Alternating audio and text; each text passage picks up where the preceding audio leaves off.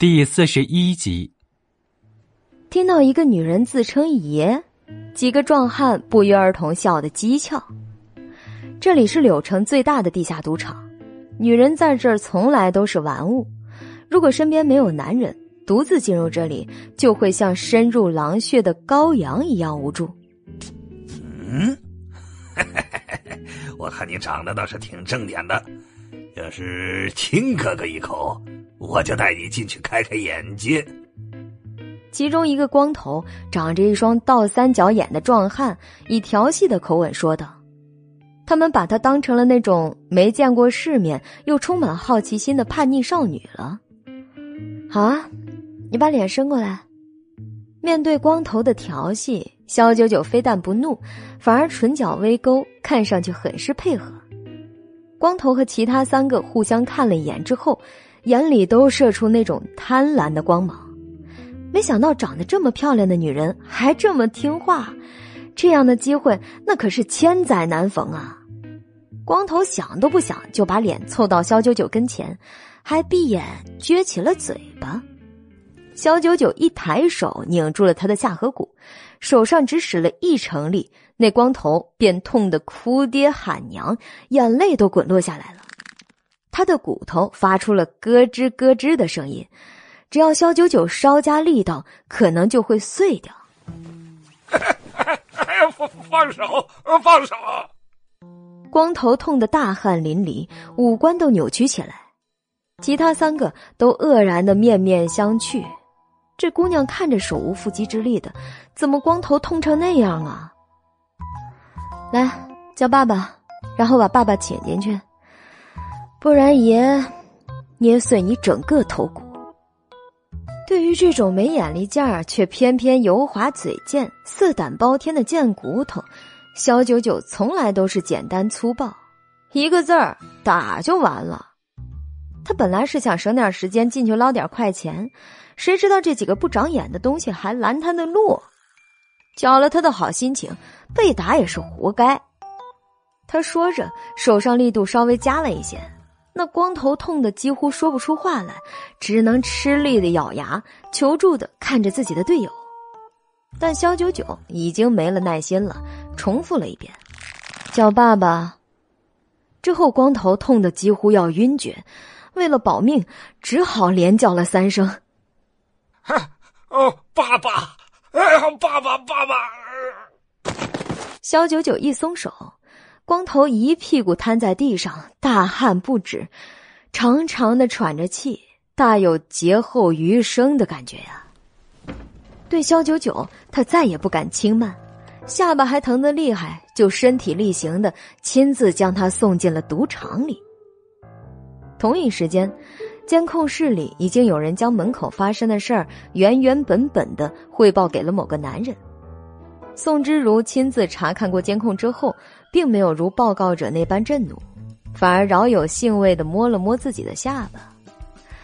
不知道这个女人的手如果抚上他的脸，该是什么感觉？老板，这个女人敢在我们金沙湾闹事儿，要不要派人弄她？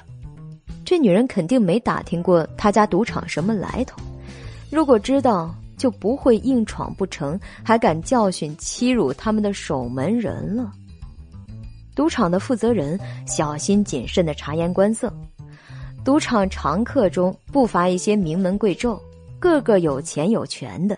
要是被肖九九搅了兴致，那会给赌场生意造成致命的打击。他们老板眼里容不下沙子，更别提有人在他赌场惹事儿了。他不是说了，只是想进来玩玩吗？来者是客，守门的狗眼看人低，该打。宋之如嘴角上扬，眼睛始终没有离开监控的屏幕。此时，肖九九已经进入赌场，一次购买了五十万的筹码。只是让人意想不到的是，他并没有赌牌九或者麻将，而是走向了里面正在进行的赛狗场地。里面有八只赛犬，个个皮毛油光水滑，体格巨大，肌肉发达，嘴上也都戴着嘴套。光是看那个样子，就不难想象，摘下来露出獠牙是怎样吓人。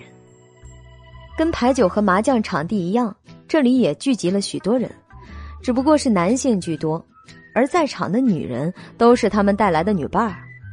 像肖九九这样孑然一身、独自闯入又气定神闲的女人，乍一出现便引起了许多人的注意。参与这场比赛的客人都已经下了注，肖九九插进去，把五十万筹码一推，勾唇道：“麻烦让让，赶时间。”他的声音很轻，却是掷地有声，顿时让所有人都看了过来，也开始议论纷纷起来。这个女人看着就像个生手啊！哎，还是一个人来的，一次就赌五十万，胆子可真不小啊！哼，等他把这五十万输光以后，就知道这比赛水有多深，根本就不是他能猜得透的。肖九九的大胆和直接，在场的男人都意想不到。但同时也非常一致的预测，这场比赛肖九九必输。在选赛狗的时候，肖九九特意靠近了些，使用神识挨个细看完这八只灵体犬之后，便将筹码全部压在了八号一只纯黑的狗身上。哎呦，这女人可真没眼力！八号可是出了名的老狗，现在已经连续输掉十几场了。选他那可是必输无疑啊！大概是他觉得黑色好看，所以才选的八号吧。女人嘛，不过就是些肤浅的货色。各种议论声纷纷，其中不少难听的讽刺声。肖九九听在耳里，却没有搭理他们中的任何一个。比赛开始，裁判一声令下后，八只狗都如离弦之箭一般飞奔出去。一开始，它们速度相差无几。但在跑了一圈之后，黑色的那只明显体力不支，速度慢了下来，逐渐被其他的狗甩在了后面。加油，加油啊！欧文，你是冠军！跑到最前面的一只白色灵缇是被所有人一致看好的，全场都在为欧文加油。只有肖九九的眼神波澜不兴的，紧紧随着黑色那只移动。虽然他落在最后。但仅仅是因为体力跟不上，他没有其他方面的问题。跑到第五圈，领头的欧文却开始出现了奇怪的状况，两只前腿开始不停的抽搐，接着一头栽倒在地上，像是用力过猛导致的摔跤。后面的一只接一只也纷纷的都倒在了离终点线不远的地方。参与比赛的客人都急红了眼。欧文，起来呀！你快起来！你这是怎么了？他们都以为狗是跑得太快导致失控了，还寄希望于他们能够重新站起来，跑完最后一点点的距离。可是狗子们却躺在地上不停的抽搐着，甚至翻起了白眼儿。直到这时，人们才纷纷看出异常：这些狗是不是发病了？眼看着落在最后的八号灵缇，正以稳健的步伐慢慢追上来，众人开始不可思议的盯着他。八号冲破终点线，裁判判决八号是冠军。不，这不可能啊！欧文怎么可能会输呢？压了欧文的都在狂呼，他们无法相信自己的眼睛。而那些没有压住欧文的，也对八号黑犬终获胜利一事颇多猜忌。大家好，我是公元之前啊，为了方便记忆，你们先演播。第四十二集。哎，裁判，你们是不是搞错了？那七只都意外摔倒了，只有八号没摔，才跑到最后。这场比赛呀，不能算。有人开始质疑比赛的公平性，很快就有人跟着振臂高呼：“啊，对，不能算，这场比赛无效。”裁判却是冷冷的回复道：“意外摔倒那也是他们的命数，输便是输了，哪有那么多话好说？”不对，我看他们倒下来就没起来过，肯定是病犬。我要求你们马上把这些狗送去检查。根据检查结果来判断比赛是否有效。就是，这七只全部都是病犬，只有八号不是。开始逐渐醒悟过来的人们纷纷叫嚷着，让金沙湾的赛狗负责人把病狗送去检查。裁判却冷哼一声，对他们的造势不以为然。金沙湾所有赛狗都是优秀的专业赛狗，定时体检的。如果你们认为是病狗，为何前面数场比赛他们都好端端的，唯独这场才发病啊？你们看自己输了比赛就开始闹事儿，前面赢的时候怎么一句话也没有啊？裁判说着，眼神却状似无意的瞥向不远处，众人跟着看去，只见一个大块头的马仔正瞪着眼。表情个个凶神恶煞，一见这个场景，便没有人敢带头说赌场的不是了。这场比赛最终，肖九九赢得百万奖金。有个大腹便便的男人唉声叹气之余，又心有不甘的过来问肖九九：“呃，这位小姐，你怎么会与众不同的选了八号？你怎么看出来他会赢的呢？”肖九九嫣然一笑：“我新来的，对狗并不熟悉，不过是凭感觉瞎选而已。能赢，全靠是我运气好。”那男人一时无语，没再说话，倒是揽着他胳膊的一名女人，眼神里含着某种难以名状的意味，深深的看向肖九九。他似乎有什么想说的，但碍于这场合和这男人，又不好说出来。看到全部的赛狗都被赌场的人撤换下去，肖九九这才暗自冷哼出声：“ 这赌场一到七号有希望赢的狗都注射了类固醇和兴奋剂。这最后一场比赛赌额巨大，因此他们加大了注射的剂量，来防止狗在比赛的时候因为体温过高出现意外。唯独对八号黑犬，本就是陪跑的老狗。”因此不抱希望，他才侥幸逃过这一劫。谁知因为赌场负责人的贪婪，给那些狗注射剂量过大，导致他们在剧烈运动后心肺功能不堪重负，终于倒在了赛场上。肖九九之所以在赛前挨个细看，便是以神识看出了潜藏于膘肥体壮的外表之内，实际身体状况一到七名全部都是超负荷运转的状态。反倒八号慢慢悠悠稳操胜券，所以这场比赛他能赢，跟运气没有任何关系。肖九九赚了一百万，打算兑换现金后就打道回府，可是赌场负责人却忽然拦住了他。这位小姐，既然手气如此好，怎能就这样回去了？不如多玩两把吧。江东泽梳着油头，看上去是个讲究人。见肖九九没有答应，便又道：“看您喜欢赛狗，我们场地又换上一批更为精壮的赛狗。您有如此好运傍身，何不来下场一试输赢？”这时，监控器前，宋之如也默默的关注着，期待着肖九九的反应。这女人野心倒不大，赢了百万便走。如果今后常来，细水长流，他们赌场无形之中可是要亏上不少啊。肖九九一抿唇，朝着赛狗场地看去，果然他们神速的换上了一批新的赛犬。看来今天如果他不按照负责人的话去做，恐怕是走不出这个赌场了。你们这赌场也太没品了吧！我不过赢了区区一百万，你们就坐不住了？肖九九眼神中带着不加掩饰的嘲讽，一副没见过世面的样子。嘿，小姐。您，江东则微恼，一时有些词穷。这个女人倒是把他们的套路看得清清楚楚的。既然是你要我玩的，那我就再玩一场。不过，我再赢了，你若是强留，别怪我不客气哦。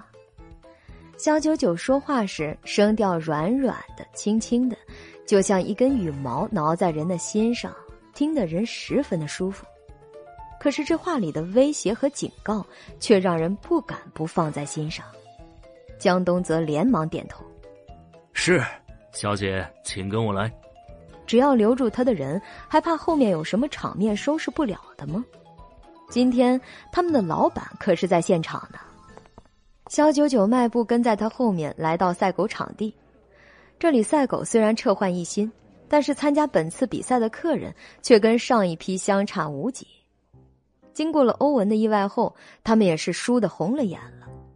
那场比赛他们下了重注，却被一个意外输得血本无归。既然赌场方面已经保证类似情况绝对不会重演，他们也不信邪的想要逆风翻盘。看到肖九九在负责人的亲自接引下走来，众人眼巴巴的盯着，却不敢再望眼。谁知道这一次他的运气还会不会那么好啊？赛狗准备就绪，肖九九照旧挨个细看过后，眯着眼睛，把连本带利赢的百万筹码都推了过去。这姑娘真不是一般胆大呀！若不是有绝对把握，谁敢这么赌法啊？众人开始犹豫了，眼看肖九九选了五号，还没有来得及下注的，内心无比动摇，不知道该不该跟他的。这时，之前那个观察了肖九九好久的女人，不知道在大腹便便的男人耳边低语了些什么，让那男人眼里都是些不屑神色。哼 你也要玩？你一毛钱都没有，玩什么？想用我的钱？那你今晚必须要把我伺候舒服了，否则……一些不堪入耳的低语被肖九九听得一字不落。进来这里的男人没有几个是干净的，身边有几个情人都算是正常的。只是听这男人的语气，好像这情人的地位着实不咋地。为了要个十万块的筹码自己玩，都要低声下气的求他好久。过了一会儿，那女人拿到了十万筹码，并被准许单独押注。他没有一丝犹豫的跟了肖九九所押的五号。看着他的动作，身旁的老男人都愣住了。这是明摆了把肖九九当成锦鲤，想跟着他蹭一波运气。很快，比赛就开始了。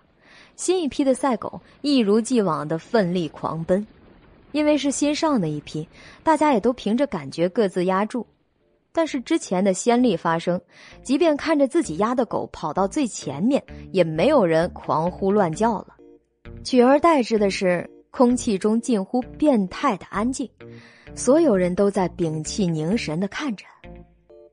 一圈又一圈肖九九压的五号后来者居上，四条腿奔跑起来，肌肉的律动很是惹眼。正如他之前观察得出的结论，这只狗的爆发力非常的强。而当他跑到领先的位置后，就再也没有落过下风，其他的狗都渐渐的被甩在了后面。终于，最后一圈结束，五号最先冲过终点线。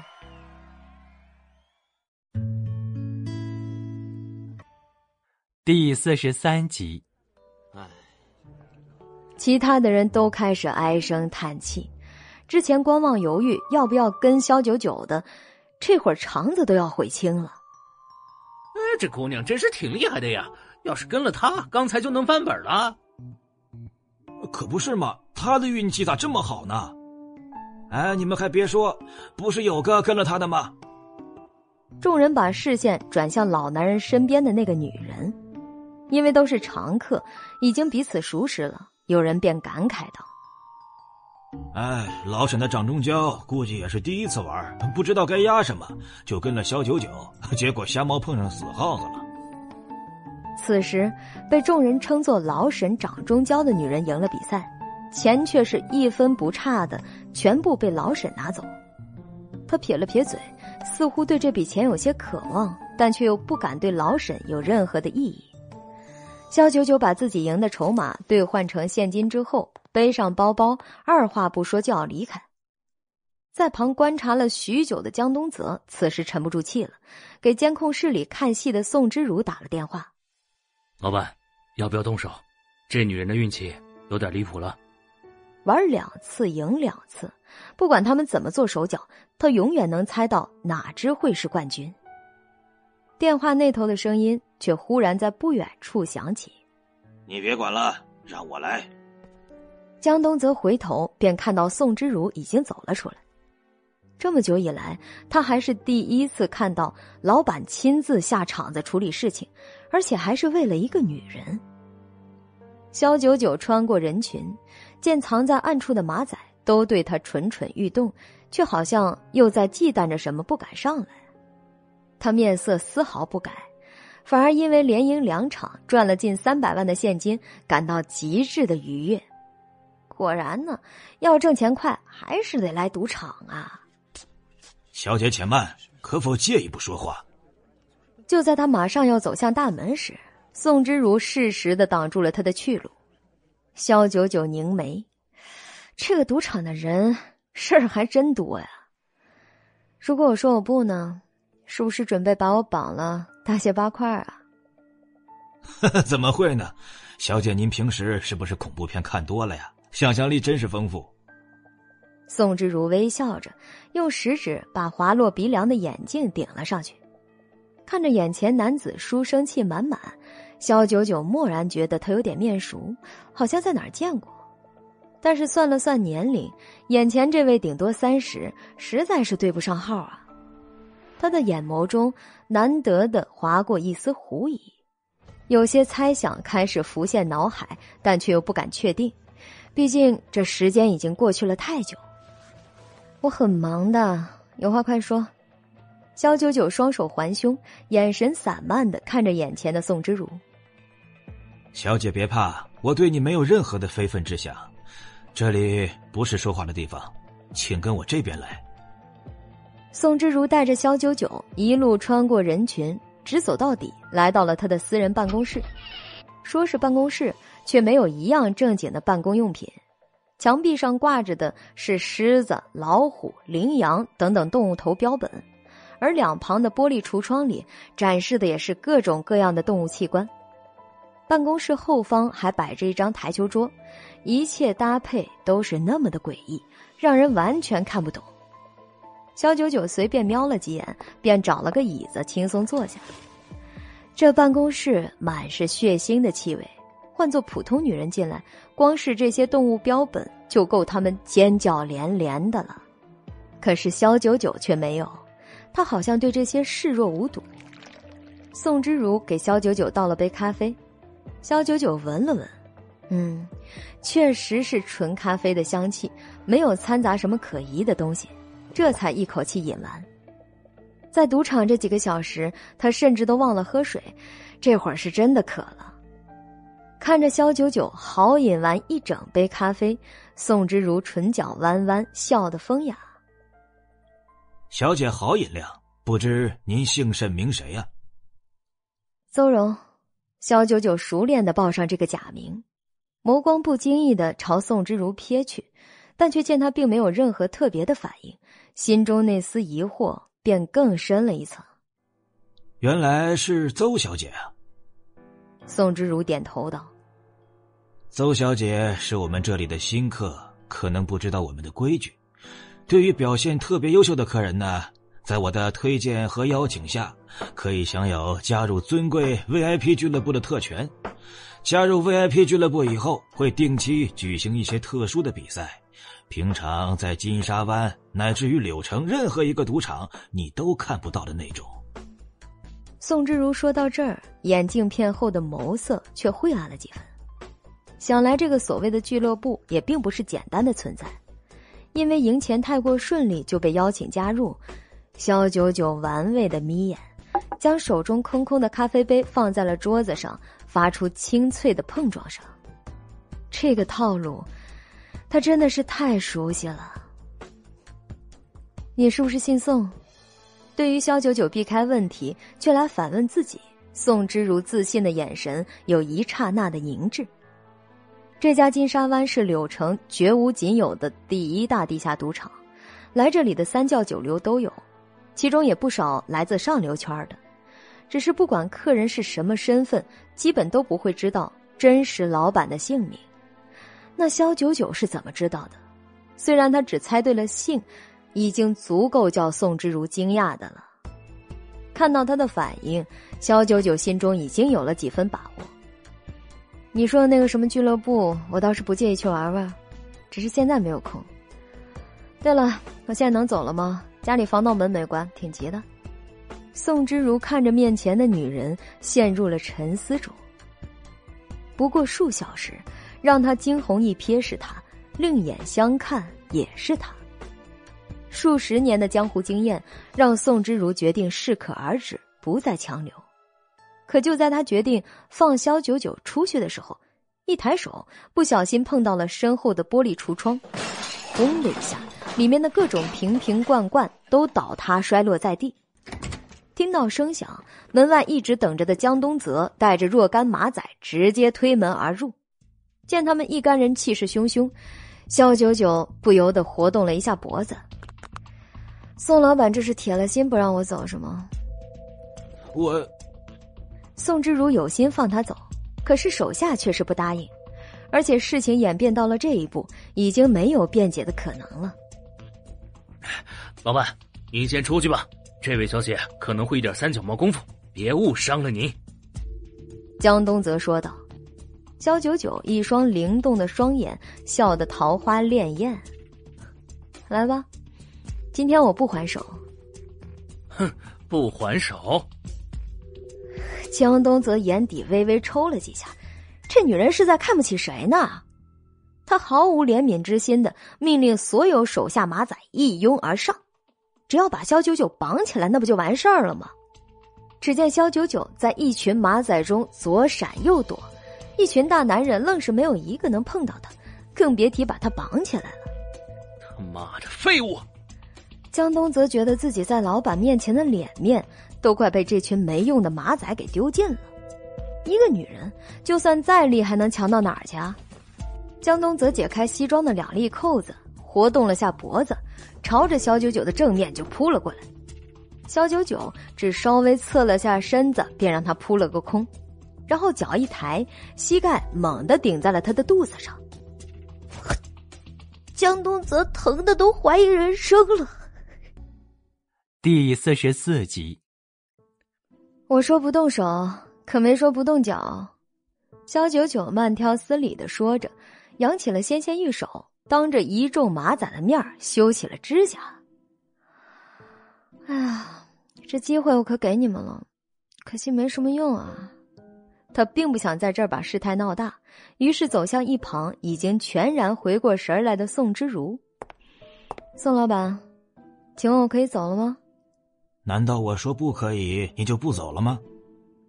江东则爬起来，自觉在老板面前里子面子都丢尽了。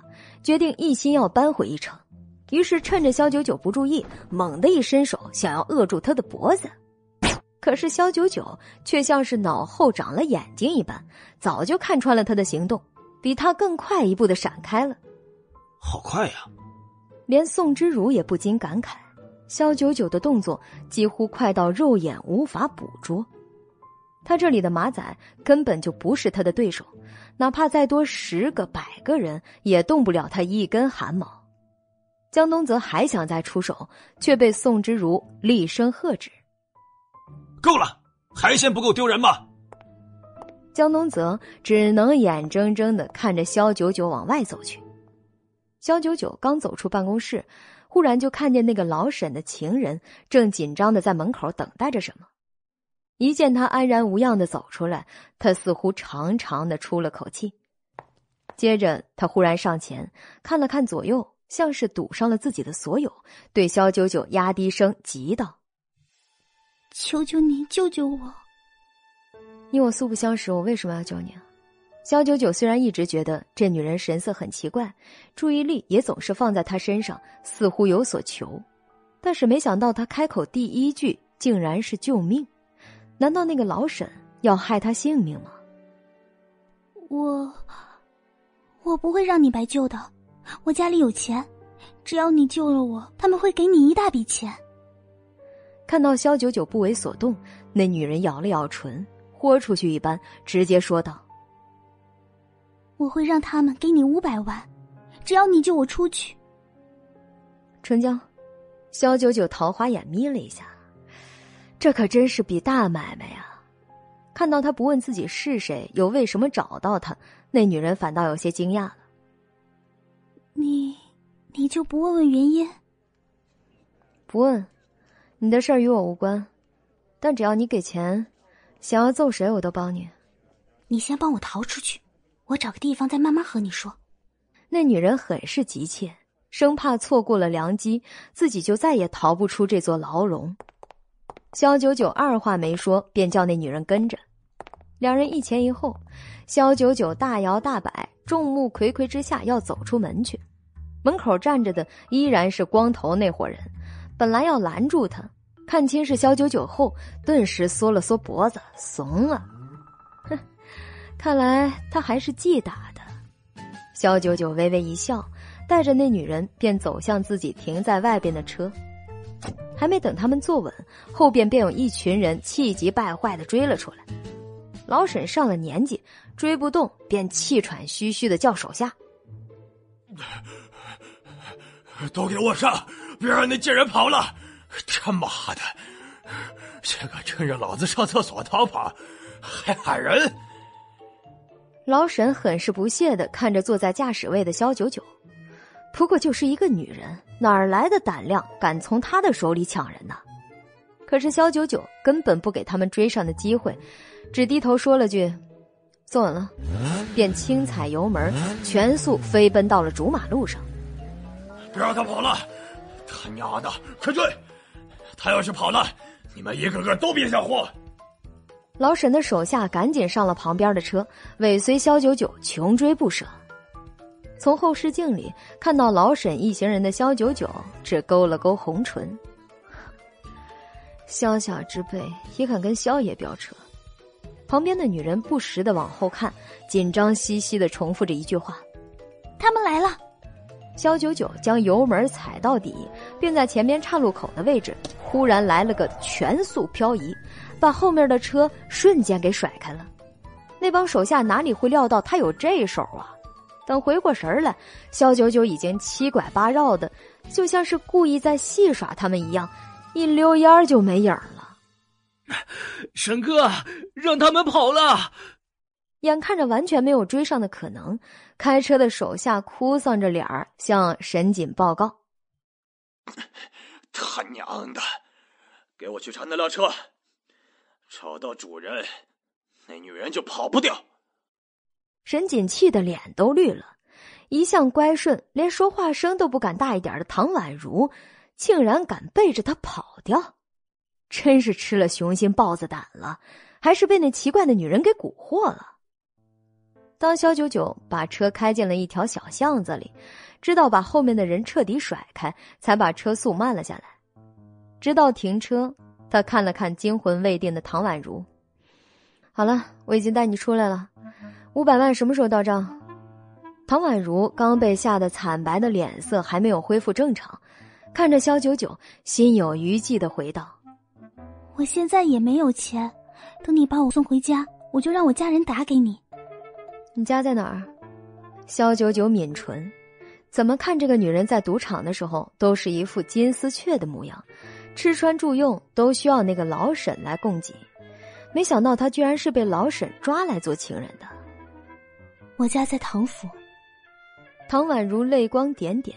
说到自己家里，就想起了那次不慎和家人走失的情景。唐府，肖九九想了想，好像对这个地方有点印象。柳城四大家族之一的唐家，曾经非常高调的买了块地皮，专门给自己的子孙后代建造了个房子，就叫唐府。问题是，现在这个唐府已经不在了，你叫我去哪儿找啊？他和唐家的人丝毫都不熟悉。唐宛如一听，瞬间脸色苍白如死灰，已经不在了。转而他又问道：“那你能不能帮我找到现在唐家的人在哪？”肖九九思忖片刻，道：“帮你打听唐家的地址不难，但是要加钱的。”唐宛如立刻拼命的点头：“没问题的，要加多少都可以。”肖九九差点被他逗笑了。难道我说加一个亿也可以啊？看到这女人一副傻白甜的样子，他对他怎么会被唐景控制那么久，就一点都不感觉到奇怪了。那，那我求求我哥，应该也可以吧？唐宛如稍微为难了，不过片刻，随即就肯定的回答道：“看来这唐家是人傻钱多呀，像这样的女人，他倒是不介意多救几个。”反正顺手而为之的事情。你哥叫什么名字？我回去帮你查一下。他叫唐，唐唐诺。唐宛如咬了咬唇，又补充道：“如果他没有改名字的话。”看着唐宛如对自己的亲人都一副不太确信的样子，肖九九有点迷惑了，于是随口问道：“你到底是被沈锦绑架了多久啊？怎么你们家人都不找你？啊？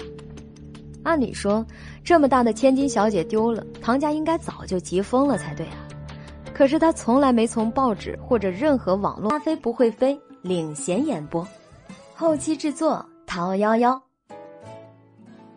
第四十五集。我十五年前跟我爸妈赌气，晚上偷偷离家出走，本来是为了吓唬他们一下，可谁想到，竟然走迷了路，然后我就被一伙坏人绑架到了一个黑市上，也就是那个金沙湾赌场。姓沈的，就是在金沙湾把我买下来的。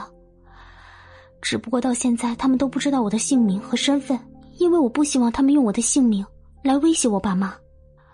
从那天开始，姓沈的就把我关在那个赌场的包房里。那年我才八岁，他就说到这儿，唐宛如头埋得很低，双肩开始不住的颤抖起来，因为回忆起了可怕的往事，他的脸色苍白如纸，眼泪也跟着扑簌簌的落下来。沈姐那老家伙真是个畜生，肖九九完全没想到。唐宛如在赌场上表现出对沈锦的乖顺，背后竟藏着这么多不可告人的秘密。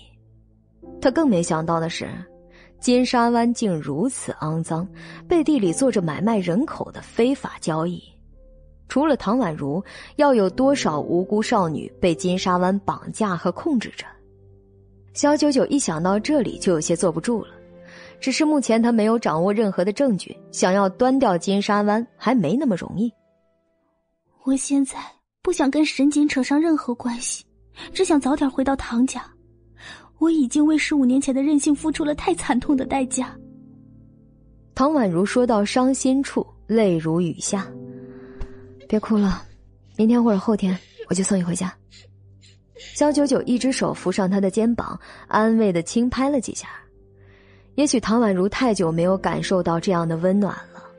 哭着哭着，便一头靠到了肖九九的身上。钱无义没想到，肖九九这一趟出去，竟然一直到凌晨四点才回来。更没想到的是，他竟然还带了个女人回来。少爷，您这是怎么了？还带了个客人回来？这深更半夜的。去了趟赌场弄点钱，顺手救了他。肖九九波澜不惊的说道，就像在说出门买了个菜一样随意。安顿唐宛如在另外一个房间住下后，肖九九着实是累了。这具凡人的身体非常的不经用，像这样的程度，基本已经是极限。老钱，我先睡下了，这两天唐姑娘麻烦你照顾了。钱无意瞪大了无辜的双眼，啊，这这这这这这合适吗？让他独自照顾一个陌生的大姑娘家？肖九九却没回答他。径直走回自己房里，倒头便睡。一直到了中午，肖九九听到外面有人疯狂的按着门铃。他睡眼惺忪，又懒得起床，便叫了声：“老钱。”可是却听不到钱无义的回答。他无法，只能起床，捧着头走到门口，透过猫眼一看，竟然是妙姐，带着腾腾的杀气站在门口。肖九九，开门！你是不是忘了今天是什么日子了？今天是广告拍摄的最后一天，你想让文商公司跟你解约是吗？肖九九打开门，笑眯眯的看着妙姐，我怎么记得广告拍摄是明天呢？改期了，我发到你手机里，你没看见吗？妙姐翻了个白眼儿，差点背过气去。昨晚发的，我手机没电了，回家就睡着了。就算你没电，就算你睡得早，那你早上起来以后不知道马上充电吗？肖九九想着自己四点才回来，这件事儿还是不要告诉经纪人比较好。他没有再解释，只是道了句：“抱歉啊，那我马上准备一下。妙姐这才消了点气儿，走进来，自来熟的换了拖鞋，一边打量着肖九九新租的公寓。我就说你最近要单飞膨胀了吧？自打租了这公寓以后啊，你魂儿都不在身上了。妙姐跟个老妈子一样絮叨了半天，信步走到阳台，忽然尖叫起来：“哎呀呀呀呀呀呀！我操，这是谁啊？”肖九九跟着过去，才发现钱无义竟然跟唐宛如坐在休闲椅上。两人一人一副耳机插在平板和手机上，压根没听到，也没发现妙姐从天而降。小九九斜睨了二人一眼，发觉钱无义和唐宛如靠的距离嘿还挺近的。看来老钱也不是什么省油的灯啊，这么快就骗取了人家小姑娘的信任了。哼 嘿，他重重的咳嗽了两声。不着痕迹的踢了下钱无义的屁股，钱无义这才从岁月静好中慢慢抬起头来，看到一脸震惊的妙姐以及面无表情的肖九九，啊，那个介绍下，这是我御用的风水师钱先生。至于这这位，肖九九一时不知道该如何介绍唐宛如，顿了下才道：“这位是他的助理。”今天是他们过来帮我看风水的，肖九九扯起蛋来，那连眼都不带眨一下的。谁让自己身份特殊，他们和自己共住一间公寓的事情见不得光呢？再加上妙姐这人虽不错，可终究是耀星传媒的，被公司发现了，这些都算是违反合同的行为，那是要赔钱的。肖九九的原则是，赚钱的事情多多益善，赔钱的买卖绝对不干。听到他一番强行解释，原本二脸懵然的钱无义和唐宛如虽然还云里雾里的，但却极度配合的跟着点头。妙姐眉头拧得跟死苍蝇一样，看了肖九九半天。没想到啊，你还请了御用风水师，还是个讲究人儿。新搬家嘛，总是要讲究些风水的呀。妙姐撇撇嘴，没有继续追究下去。肖九九便进了衣帽间，换了身黑色的连衣裙，火速的跟着妙姐出门去了。另一边，顾金飞站在自己公寓猫眼前，把对面的动静看了个清清楚楚。妙姐在肖九九房门前按门铃，连吼带踹，少说得有十几二十分钟了。她有点担心肖九九，却又不知何故打不通他的电话，微信也是没人回复的状态。直到妙姐、肖九九一起出来了，他心中一块大石头这才算落了地儿。还好他没事。认识他以后，他那个理性到极致的脑子总是会有些奇思异想，比如妙姐半天敲不开肖九九的房门，他便不受控制的去猜测，他会不会是生病了，或者心情不好喝醉了，又或者是他最担心的那种情况发生。钱无义其实是个深藏不露的杀手。最终见他没事儿，他一边轻松下来，一边又暗自责骂自己：最近怎么总是这样？为了这个女人，他真是越来越不像自己了。下午的拍摄中，肖九九为了把状态调到最好，一连喝了三杯特浓的咖啡。导演和工作人员对他的演出也是一致认可的。就这样结束了全部的拍摄工作，接下来只要等待后期以及投放市场便可以了。在宣布结束的那一刹那，肖九九如释重负，忍不住打了个哈欠。咖啡的作用只能强撑一时，却是撑不住一天的。何况从昨天到今天二十四小时内，他只睡了大约四个小时不到，真心是困死了。妙姐。没事的话，我先回家去补个补个觉。肖九九收拾好东西，跟妙姐打了招呼就要走，妙姐却上来一把拉住了他：“还别走啊！上面这边说为了感谢我们，想请我们吃一顿晚饭。”肖九九扶额，什么晚饭也没有他房间那张床更有吸引力啊！他发誓，这是他下凡历劫以来困得最厉害的一次，哪怕站在那儿，随时都能睡着。这该死的凡人身体啊！大家好，我是加菲，不会飞，领衔演播，后期制作陶幺幺。第四十六集，但终究是推脱不过，他还是应了妙姐，上了保姆车，随着山文的工作人员一起来到了离山文公司不远的一家饭店。肖九九才刚刚落座，却看见顾金飞在几人的簇拥下朝他这边走了过来。作为全程负责这个广告项目的执行总裁，今晚饭局有他，倒也在他的意料之中。席间，肖九九努力降低存在感，却还是被导演、化妆师等一一敬酒、推杯换盏，发表着感言之类的。几轮下来，本就瞌睡的他，在酒精作用下。更是晕晕乎乎，眼睛看人都开始出现了重影般的效果了。特别是顾金飞，那张俊美无愁的脸，总是有意无意的朝他瞥过来。对上他眸子的肖九九，便略显失态的盯着他看好久，直到顾金飞把头给转开。肖九九实在是困得不行了。便起身，悄悄的离席，想去洗手间用水冲下脸，好让自己清醒清醒。谁知一站起来，他就感到头重脚轻，每走一步就像是踩在棉花上。他努力控制自己不被人发现异常。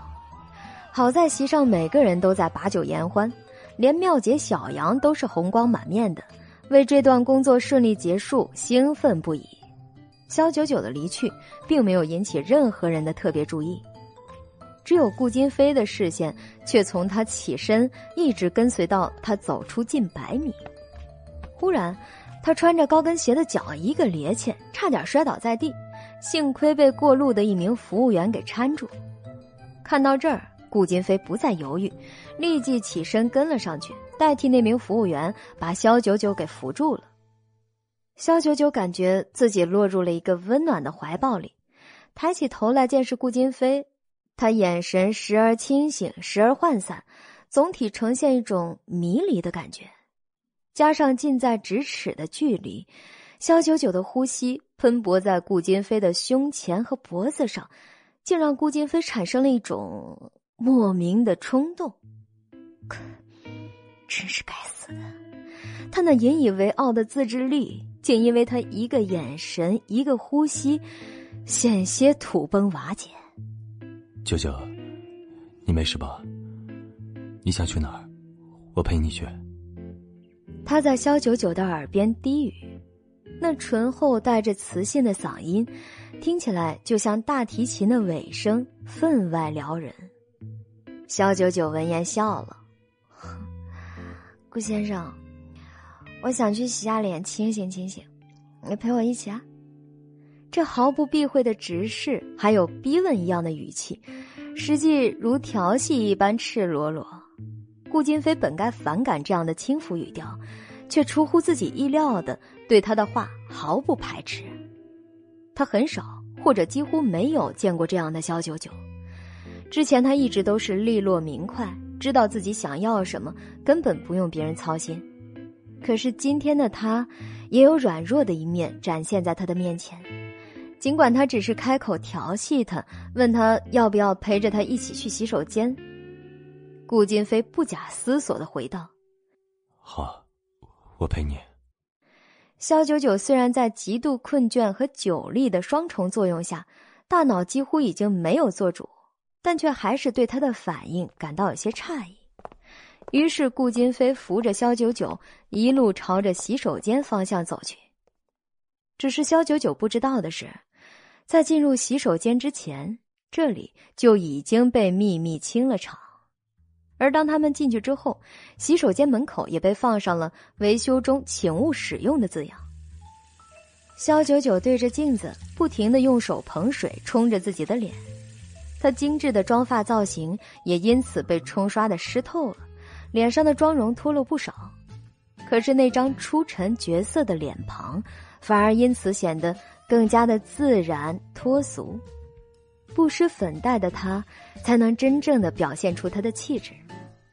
顾金飞在旁终是忍不住低语问道：“你喝多了。喝多了不存在的，顾先生，我可是千杯不醉啊。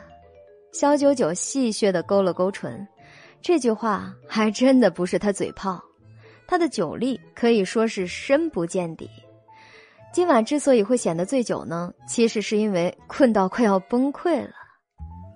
既然如此，你脸洗好了，我直接送你回家吧。考虑到肖九九的身份，现在这副被水湿透的样子，显然不能面对任何的镜头。如果有记者出现，那就不好了。顾金飞想秘密的把肖九九带回家。好的，那就麻烦顾先生你了。肖九九每说一个字，都觉得自己的体力就像电池即将耗尽，在发出警告。顾金飞扶着他，一边向外走去，一边叮嘱道：“待会儿。”我们从秘密通道走，为了以防万一传出不必要的绯闻，你要把头埋进我的怀里。可是他还没说完，身子却不由自主的紧绷了起来。肖九九的头从他的胳膊一路下滑，直到落在他的胸前。顾金飞低头一看，只见肖九九闭着眼睛，蜜扇般的睫毛还在轻轻颤动着。看似已经睡着了，可是又还没睡熟。你到底是有多累啊？顾金飞的心随之颤了一下。听说肖九九最近的行程排得很满，他第一次对女人产生了一种心疼的情绪。他用臂弯将肖九九小心的搂住，顺着密道走出饭店。二十分钟后，便驾车回到了永嘉公寓。钱无义开门时吓了一大跳，只见肖九九头耷拉着靠在顾金飞的怀里。萧爷，肖九九，这你这是怎么了？没事他睡着了。顾金飞面无表情的抱着肖九九，镇定的迈步走了进来，把肖九九放在床上，盖好被子后，他本想回去的，一抬眸就看到钱无义还站在旁边。盯着他的一举一动看得仔细，如果他就这么走了，熟睡的肖九九岂不是很不安全？顾金飞起身出门，把肖九九的房门带上，又对钱无义道：“给我找个房间，今晚我要住在这里。”“可，大哥，你不是就住在对面吗？”看到钱无义迟疑的样子，他轻轻蹙眉，一字一句的重申道。钱先生，作为合作方，我有责任在合同期间保护肖九九的安全。哼，他在自己家里还会有什么不安全？而且我可以保护他的。钱无义张口便答道，却见顾金飞那对浓密的剑眉蹙得更紧了。钱无意无辜的眼睛眨了两下，这顾金飞的眼神看上去实在是太危险了。他他有点怕了。哎呀，顾先生，如果你坚持的话，那就跟我同屋睡吧。呵 呵顾金飞不放心他，笑话。作为跟随了萧九九几百年的土地神，他才是最靠谱的队友。他反而还对这个姓顾的不太信任呢，也不知道哪儿冒出来的，成天不拿自己当外人。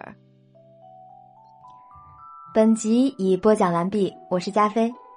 这部剧的推荐指数是五颗星，如果大家喜欢的话，一定要订阅专辑。给全演播第四十七集。钱无义越想越觉得委屈，真想把肖九九叫醒了，给自己评评理。一个午睡，可以。这样，钱无义在他眼皮子底下被监视着，无论怎样都跑不脱了。只要能保证肖九九的安全就可以了。钱无义暗戳戳的给唐宛如发了条信息：“家里来了不速之客，很危险，你千万别走出房间。”唐宛如瞬间紧张起来，手里捧着钱无意今天才刚给他买的手机，不知道如何是好，但是又非常担心钱无意的安全，于是立刻回了条信息：“我听你的话，不会出门的。可是你怎么办？到底家里来了谁？是进贼了吗？”钱无意发了个耸肩的表情。我明天再告诉你。肖九九住的地方总是个是非之地，三天两头的就会有人找上门来。这一晚，肖九九睡得非常香甜，梦里又见到了县元上仙。可是，在另一个房间里，钱无义却破天荒的失眠了。顾金飞睡在床上，而他拿了床铺睡在地上。为什么他反客为主还能如此的心安理得？好像对他的谦让都是理所应当，真当自己是什么高高在上的君主吗？钱无义睡不着，便给唐宛如发信息：“危险的家伙被我控制起来了，不过我现在还出不来。”无义哥哥，你要不要紧啊？不行的话，我们偷偷报警吧。唐宛如整晚都守着微信，那头钱无义却一本正经的回道：“不可以，就算报警，也未必能拿他怎么样。”而躺在床上的顾金飞也并没有好过多少，因为担心自己睡着后钱无义会偷偷起来对肖九九做些什么，因此他一直假装睡觉，实际脑子却时刻保持着清醒。第二天一早，肖九九见自己从房间床上醒来，略感意外，回忆到自己昨晚是在饭店跟山文公司的人吃了饭的，然后顾金飞扶他去洗手间。再然后，他的记忆好像断片了，不是喝断的，是太困了没忍住。等他稍微收拾了一下自己，走出房间，却看到外面沙发上并排坐着两尊大神，顶着浓浓熊猫眼的钱无义和面色清冷、嗓音暗哑的顾金飞。顾先生，这么早你怎么来了？肖九九觉得有点匪夷所思，就算顾金飞暗恋他，也没必要这么夸张吧？现在不过是早上七点半而已。顾金飞薄唇微抿，答非所问道：“你睡好了。”而钱无义却起身，直到走到他身边，眼里别提多委屈了，就像是在外受了孩子的欺负，寻求爸爸的庇护。他可不是早上来的，他昨晚就没离开过。肖九九从头到脚都清醒了，断片的部分记忆好像也连起来了。原来顾金飞昨晚把他从饭店送回了家里，然后又借故赖着不走，还跟钱无义两人共睡了一个房间，硬刚了一晚上。怪不得早上一副两败俱伤的气氛。嘿 那那有没有别的意外发生啊？肖九九意有所指的眯了眯眼，指指第三个房间里住着的唐家千金唐宛如。要是被顾金飞知道，他这套公寓里不仅住着钱无义，还多了个唐宛如，不知道他的表情会有多精彩啊！何况顾金飞好像一直对自己的事情都挺感兴趣的，但关于唐宛如，他可真不想要他插手，毕竟赏金只能是他一个人的。所以，唐宛如住在这公寓里的事儿，是绝不能在顾金飞面前曝光的。领会了他的意思后，钱无意便摇摇头，一双熊猫眼也显得精神不少，邀功似的答道：“嗨，除了顾先生，没有什么意外。”肖九九揉了揉太阳穴，便对沙发上的那尊大神道：“我觉得您还是先回家吧。”顾金飞道：“这就要赶我走了。”眼神晦涩、音色沉沉的他，还是对钱无义和肖九九之间表现出来的莫名的亲近感到万分的不悦。不，顾先生，我很感谢您昨晚送我回来，但是您真的 没必要住在这里啊。肖九九顿了一下，整理思绪后都有些凌乱了。对于顾金飞表现出的执着，已经超出了他的意料了。原本以为他坚持不到一个星期，谁知道不管经过多少打击，他都一如既往。我知道了，那好，我回去。顾金飞起身，眸光淡淡的在肖九九和钱无意身上扫过，肖九九长长的吐出一口气。待顾金飞一走，门才刚关上，钱无意就瘫坐在了沙发上。啊，他终于走了，小野，以后您回来就回来，可不可以不要再带份惊喜给我？萧九九勾唇，一双桃花眼顽皮的眨了眨。钱无义和顾金飞不对付，这他是知道的，也不知道为什么，从他们第一次见面开始，两人就八字不合，互看不爽。行了，我这不是把那尊大神都请走了吗？想了想，为了稳定军心，萧九九又道：“放心吧。”除了县元上神之外，没有任何男人能入得了我的眼。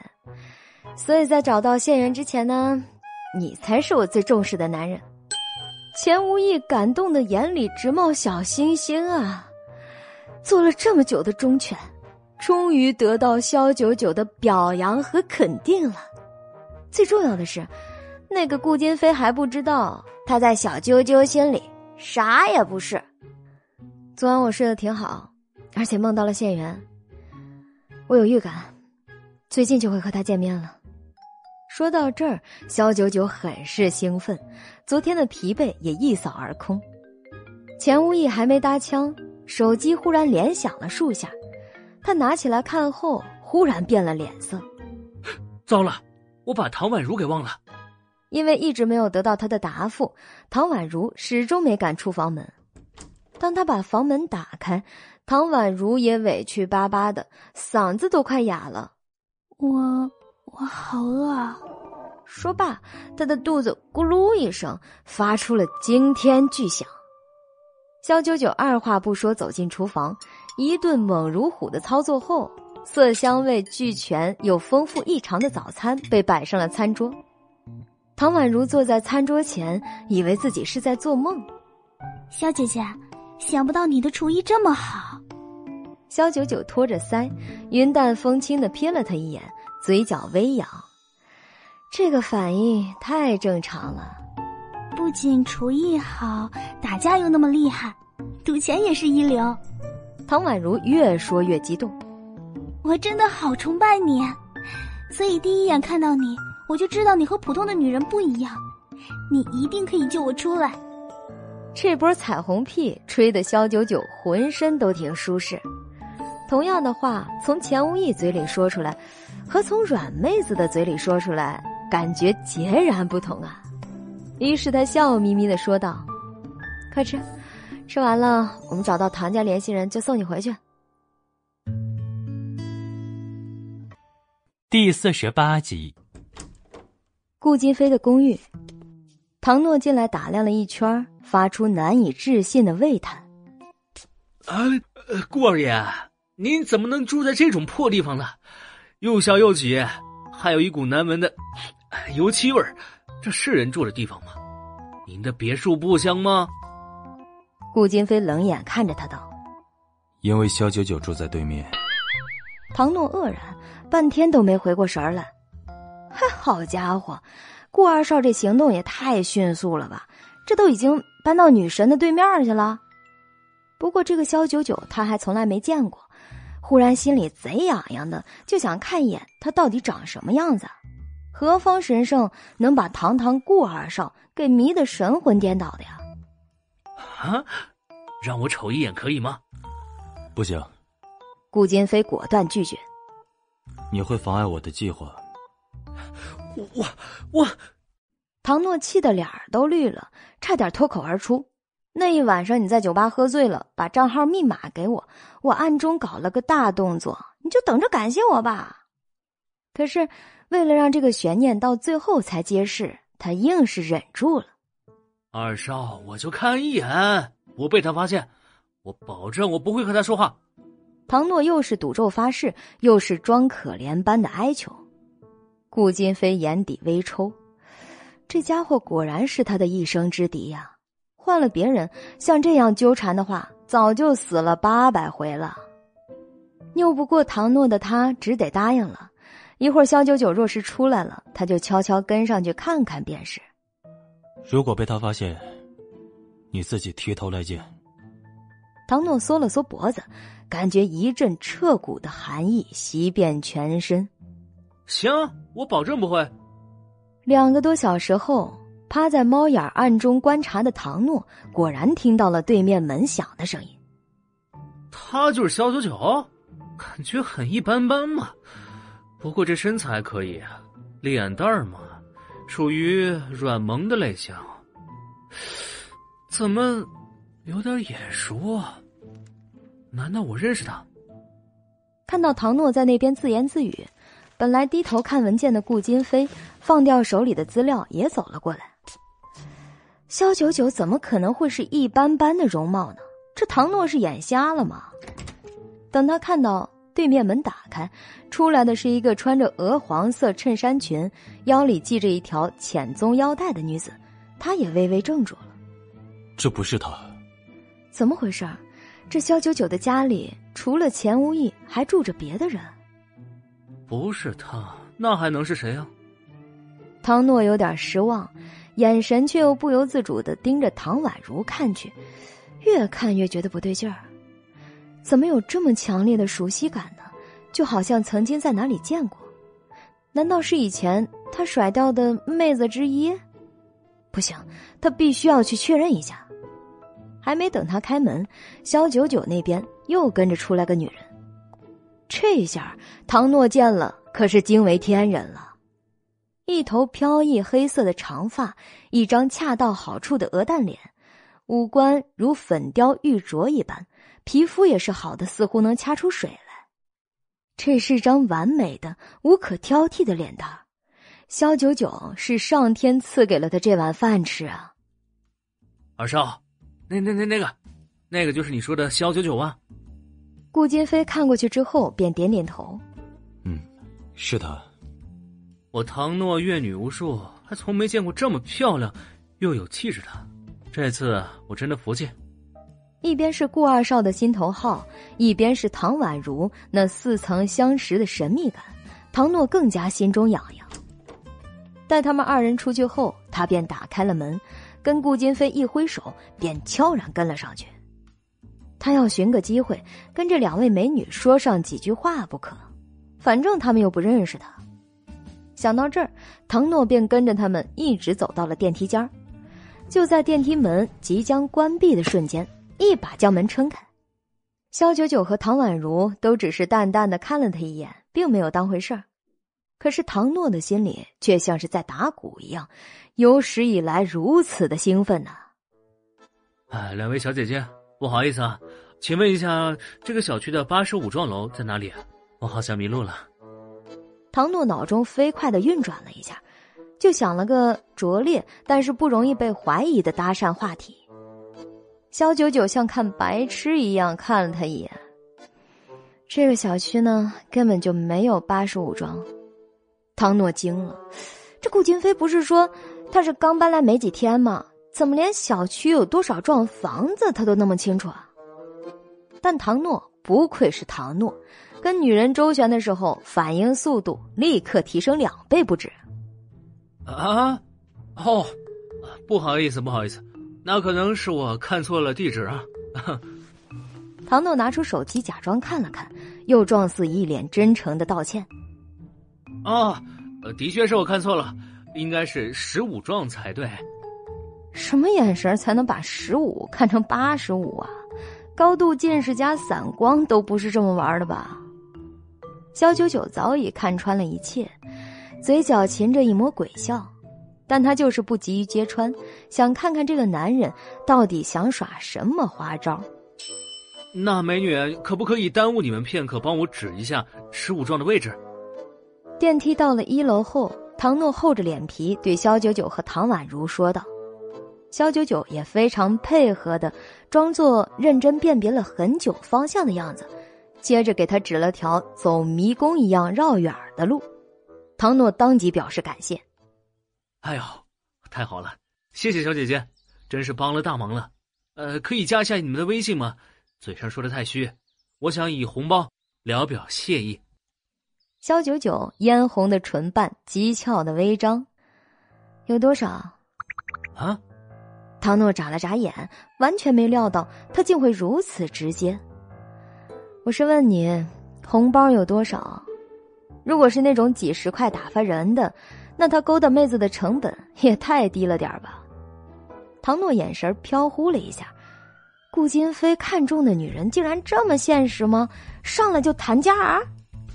哎呀，看来真该带顾二少去看看眼科了。这，反正不会太少的。小姐姐，给个机会先。嘴上这样应着，但他的眼神却不由自主的往唐宛如脸上扫去。既然萧九九已经被顾二少给内定了。那旁边这位妹子看起来更加温柔，完全是他的菜呀。跟萧九九僵持不下的他，转而笑嘻嘻的转向了唐宛如。嗯，要不然，这位小姐姐加我个微信也行。我只是想表达谢意，给个机会呗。叔叔，你是不是想骗我们联系方式撩妹啊？抱歉，不给。唐宛如八岁那年被骗后，对陌生人的防备极高，特别是在金沙湾这十五年里，形形色色的男人她都见识过了，对男人勾搭女人的骗术也都是清清楚楚的。况且这会儿他心思完全不在这儿，而是满脑子都在想着尽快跟家人团聚。刚才小九九跟他说，已经查到了唐府最新的地址，很快就能送他回去了。对眼前这个轻浮油滑的男人，他可是没有半点的兴趣。唐诺见自己出师不利，深受打击。没想到看着那么温婉的小姑娘，说起话来竟然如此直截了当，根本就不留任何的余地，简直是无。第四十九集，肖九九也懒洋洋的瞄了他一眼。淡淡一句：“麻烦让让，你挡住我们的路了。”像这样张三李四的龙套角色，他每次出门都要应付不少。唐诺那点东西根本就不够瞧的。唐诺只能挂着蜜汁尴尬的微笑，保持最后的绅士风度，给他们让开一条路来。然后眼见着萧九九带着唐宛如离去。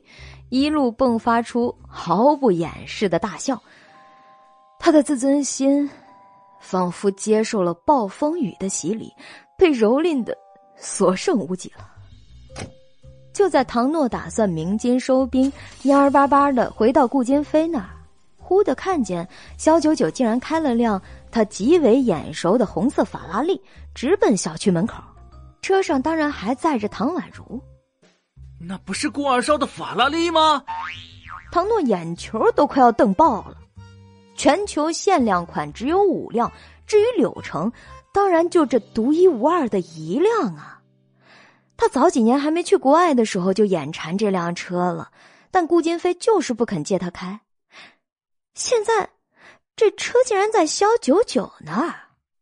顾二少，你这重色轻友，区别对待的也太明显了吧？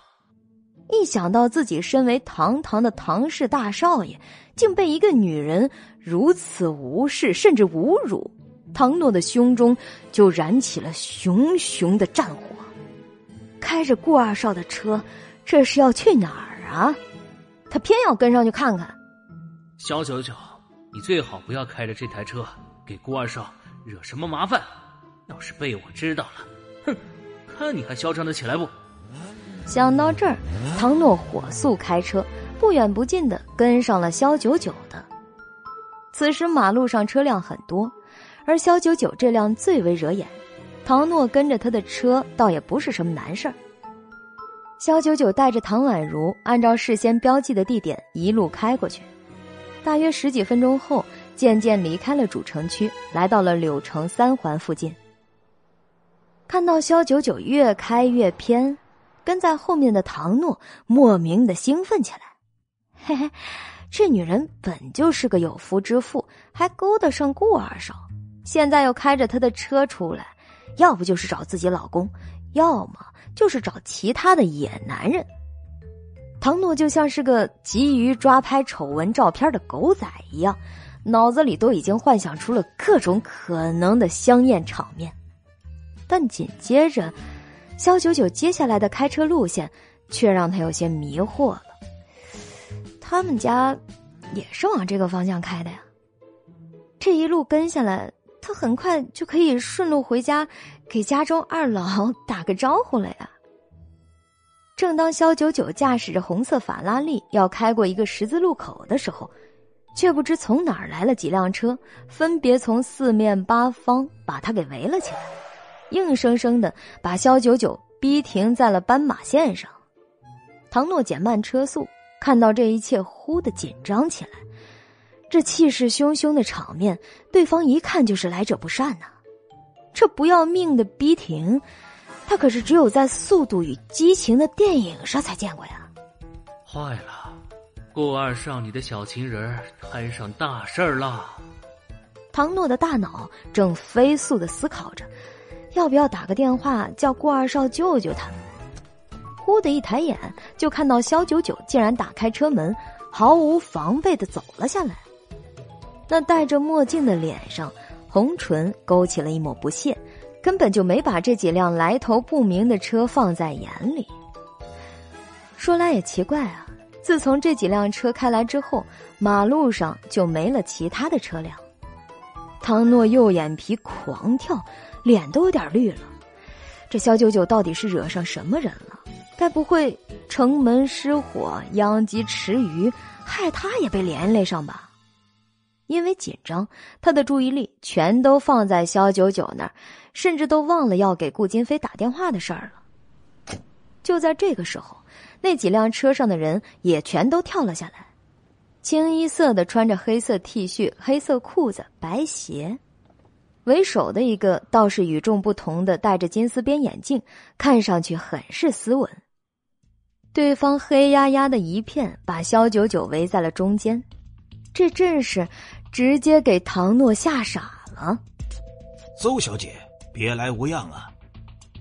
宋之如金丝眼镜背后的双眼笑意笃深，看上去不带一丝杀气。我还以为是谁呢，原来是宋老板。怎么，您说话不算数？想把我赢的钱给要回去是吗？肖九九双手环胸。虽然他就一个人，气势却完全不输宋之如半分。不，宋某之所以找邹小姐您，是因为您带走了我们赌场的一样东西。宋之如说着，眼神便投向肖九九身后的那台法拉利。唐宛如则脸色煞白的在车上抱着自己的双臂，缩成一团。该来的终于还是来了。沈姐没有自己出手，却找了宋之如帮忙。毕竟唐宛如是从他们手里买来的。唐宛如的思绪一下子仿佛回到了十五年前。那天她离家出走迷路后，也是撞上了这样打扮的男人。问了几句话，确认他已经走失后，便直接捂住嘴巴，将他一把带走。这帮人。眼里似乎根本没有王法，没有法律可讲。唐宛如想着，因害怕，身体止不住的颤抖起来，眼泪也跟断了线的珠子一样不停的掉落。离法拉利不远的蓝色宾利车上，唐诺能清楚的看到唐宛如的所有反应，他也对这个女孩开始莫名的同情起来。她是不是受过伤害？有过很大的心理阴影，要不然怎么会有这样的反应？肖九九极为不耐烦的答道：“对不起，我不认为他是属于你们的，并且我很快就带他回家。”金沙湾这帮人的无法无天，大大超出了他的想象。他已经查过，这个唐宛如确实是唐家十五年前走失的千金。十五年前，唐家倾尽财力，在各大报纸、媒体、电视上都登载了寻人启事，甚至花重金在全柳城和周边六七个城市的出租车上都打了广告，重金悬赏。可是唐宛如就像是忽然从人间蒸发了，再也没有过任何的消息。唐家父母还因此双双得病，住了半年多的医院，而他的哥哥更加严重。因为不愿接受妹妹走失的现实，疯狂自责，甚至自虐伤害自己。后来，唐家父母不得不把唐诺送到国外，请心理专家辅导治疗。那以后，唐诺便需要定期去国外接受心理治疗，一待就是数个月之久。带他回家。宋之如唇边的笑意并未散去，而是更加深刻，这次带上了警告的意味。呵呵，邹小姐，您之前在本赌场出老千打人，我们都可以不做计较，只有这女人绝不可以被你带走。大家好，我是公元之前啊，为了方便记忆，你们第五十集。唐宛如的真实身份，他们怎会不清楚？不只是宋之如，就连买家沈姐也非常明白唐宛如就是唐家千金。可是他偏偏好的就是这一口，为此不惜花重金买下唐宛如，任意折磨凌虐，满足自己变态的欲望。也因为唐宛如的身份特殊，金沙湾暗中和沈锦达成了某个协议，在他们合伙运作下。唐宛如十五年来都在赌场生存，从未迈出过大门一步，所以唐家父母怎么也想不到，他们以为已经不在人世的唐宛如，其实就在柳城，甚至就活在他们的眼皮子底下。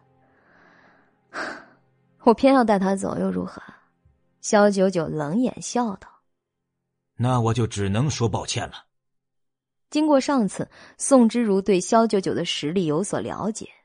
这次他带的人都是赌场的马仔中有拳脚功底的，其中不少甚至是退役的特种兵。他相信萧九九功夫再怎么了得，也不过就是个女人。一个女人能打得过这么多精悍的男人？他一挥手，决心不再对萧九九留情。同时又微微的闭上眼睛，似乎不忍心看接下来发生的一切。其实萧九九的容貌甚美，就这样被糟蹋了，实在是太可惜。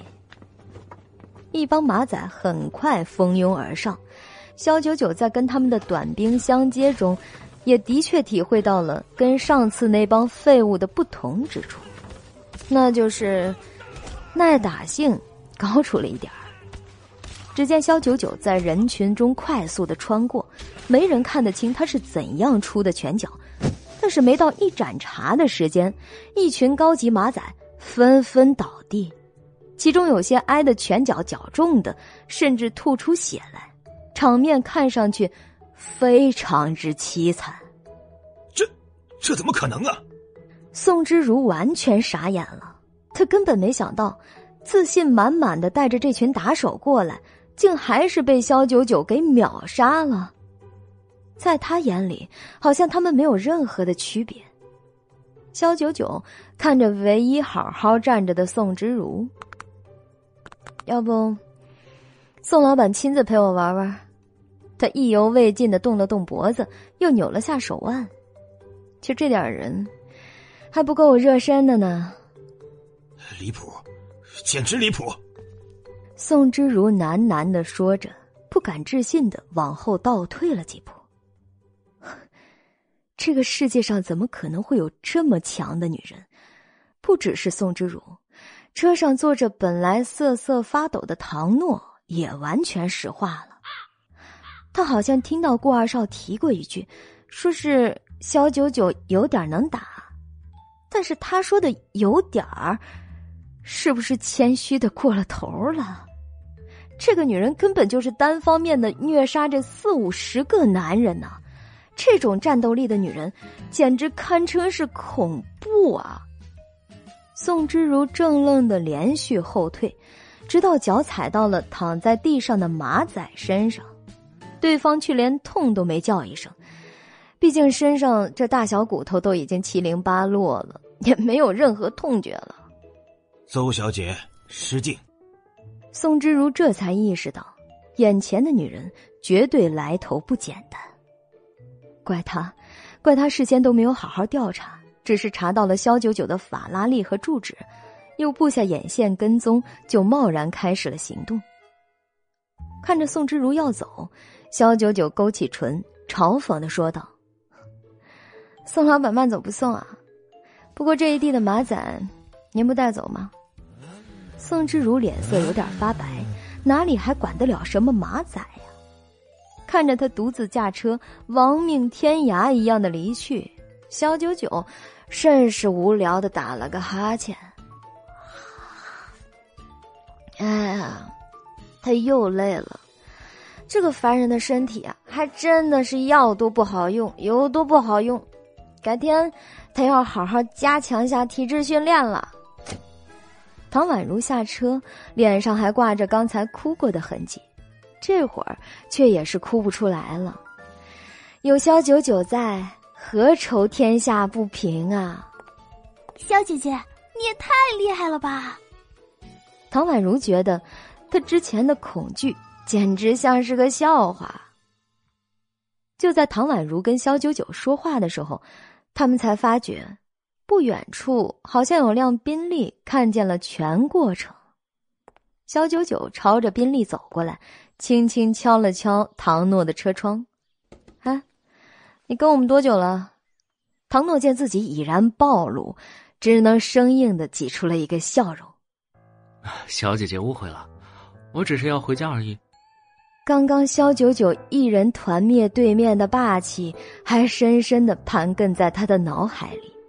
像这样一拳能打到你骨折的女人，也就是顾金飞敢要啊！他唐诺可没有嫌自己的命长，他已经完全放弃了之前想要跟踪萧九九的念头了。他现在。也只是单纯的想活着离开这里，好吗？你发誓没有跟踪我们？肖九九将手抵在了车窗上，目光灼灼逼人，隔着咫尺的距离，身上散发出的气质令人望而生畏。唐诺真害怕他会一拳锤爆车窗，把自己从车里生生拖出来，严刑拷打。没有。真的只是巧合，你要不信，我现在可以带你们去我家里看看。求生欲异常强烈的唐诺，反应速度也非常惊人。肖九九眯了下眼，帅气的一撩头发，那股摄人的气息转眼间就烟消云散了，仿佛刚才只是魔鬼跟他开的一个小玩笑。行了，你走吧。如蒙特赦的唐诺后背已经是冷汗涔涔，嘴里口干舌燥，连谢谢都差点说不出来了。好不容易把车发动了，还不敢开得太快，只是慢吞吞的以龟速缓缓的驶离了萧九九和唐宛如的视线。同一时刻，顾金飞接到了文杰斯的紧急电话。顾少，少奶奶刚才在星海东一路遇到一帮人拦车，看装扮好像是金沙湾的。顾金飞手里的文件啪的滑落在地，瞳孔狠狠的一缩。他有没有事？我们的人跟着少奶奶到东一路隐蔽起来，看到了少奶奶好像是和他们起了争执，随后他们打了起来。文杰斯说到这儿，喉咙艰难的滑动了一下。少奶奶她一个人把所有人全打倒了，现在金沙湾正派人收拾场地。文杰斯接到保镖报告的时候，几乎是不敢相信自己的耳朵。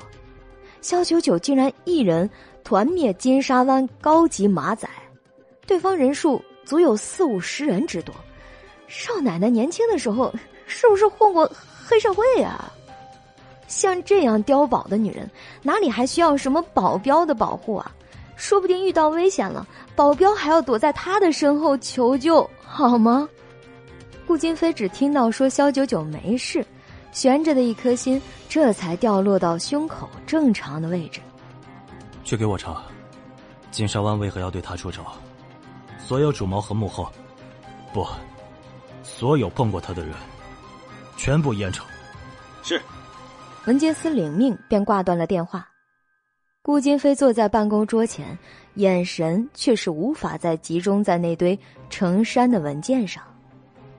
小九九，你怎么每天都有出不完的？第五十一集。唐诺生怕再遇到肖九九，便从一条小道上绕路，过了十几分钟才回到了家里。佣人见他回来了，脸上喜不自胜的喊道：“少爷，杰西卡。”你今天声音比平时含糖量还要高呢，怎么了，小宝贝儿？今天这么想念你家少爷吗？唐诺对着年轻漂亮的女佣杰西卡一番油腔滑调的调戏，一如既往的风流公子哥模样。可是，杰西卡却没有娇嗔责怪他的油滑，却一反常态的拉住他的胳膊就往里走。少爷有个天大的好消息，您知道了可千万别激动的晕过去。我先给您说一下，好让您有个心理准备。天大的好消息啊！那能是什么？难道是杰西卡，你的罩杯升级了？唐诺俊美的脸庞上做出一个努力突破极限想象的表情。看起来有点滑稽，讨厌。杰西卡的脸一下子涨得通红，甩掉了唐诺的手，转身便走。唐诺嘻嘻哈哈的笑着，追在后面，一路跑进自家别墅的会客厅里，却看见自家父母都坐在沙发上，好像在接待什么重要的客人，而那两个引人遐想的娇俏背影，看着怎么会那么眼熟呢？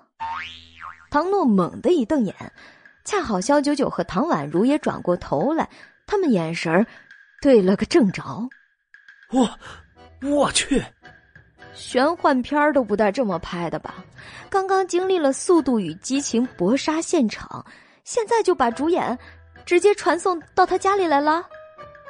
他那么拼命的逃离，最后肖九九居然找到他家里来了。肖小。肖小姐，您这样玩是不是有点过分了？唐诺哭丧着脸儿，他不就是在电梯间里跟他们要了个微信，又跟踪他们一路吗？虽然行为看上去有点像痴汉，可天地良心呐，他对肖九九真没那个想法。准确的说是，他不敢。肖九九敏锐的双眼一灵，你认识我？唐诺恨不得抽自己几个大嘴巴子，怎么说着说着就把自己给暴露了呢？看似见色起意的搭讪，实际是预谋已久的埋伏。肖九九瞬间明白了，而唐家父母唐秦东和叶翩然两人对两人的互动也非常的迷惑不解。小诺，肖小姐可是我们的贵客，不许对她放肆。哎呦，妈！我唐诺有口难言，只得把想要说的话给吞了下去。一旁的杰西卡看到平时巧舌如簧的少爷吃瘪，虽不知其原因，倒也非常快意的抿嘴。行了，你本来我们还准备打电话通知你马上回家呢，现在既然你回来了，那也算是天意。过来坐下。唐秦东对唐诺招了招手，唐诺只能硬着头皮坐在了肖九九和唐宛如的对面。他现在有非常多的疑问：到底肖九九他们为什么会来见他的父母？难道他们认识？这肖九九未免也太嚣张了点吧！身为一个人妻，又是一个十八线的小明星，做顾坚飞的地下情人已经够给他脸的了，竟然还张扬的跑到他们唐府来！哈哈，诺儿，你仔细看看他，你认识吗？唐秦东指着对面的唐宛如，叶翩然的嘴角也是止不住的一直上扬着。三人之间的氛围很是奇怪，似乎在唐诺回来之前，他们发生过什么。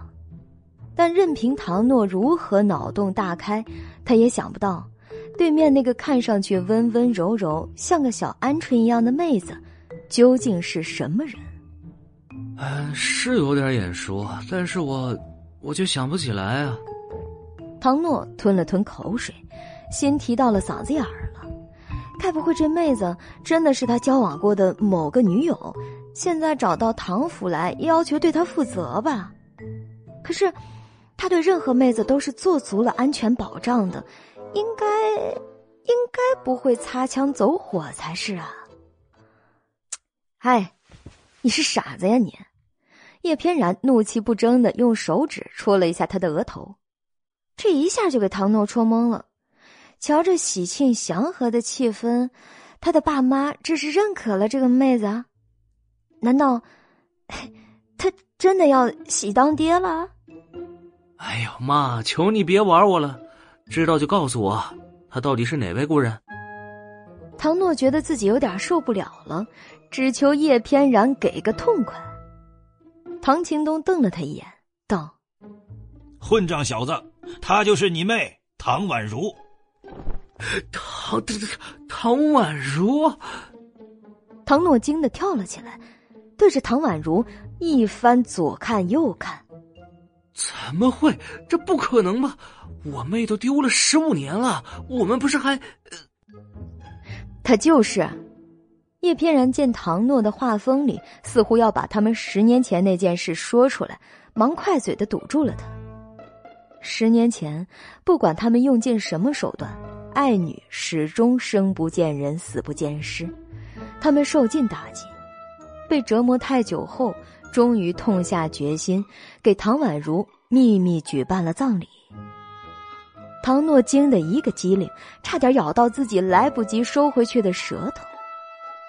过了一小会儿，他堪堪恢复了些理智，才说道：“那谁能告诉我，我们是怎么找回来的，以及……”你们怎么确定，就是他呢？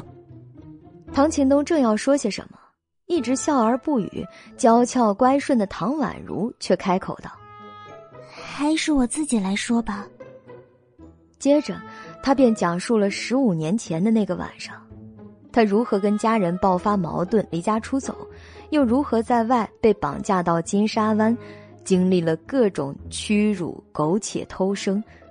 直到前两天遇到萧九九，方才逃出牢笼。至于我的真假，我已经给母亲看过身上的胎记了。哥哥要是不信，婉如还可以进行亲子鉴定。听着唐宛如一番娓娓道来，虽然他说的时候已经是云淡风轻，好像在说着别人的故事，可听着的唐晴东、叶翩然以及唐诺。无不红了眼睛，流下泪来。喜悦、激动、后悔，还有后怕，各种复杂的情绪交织在他们的胸中。唐诺伸手道：“不，不用说了，我确信，你就是我妹。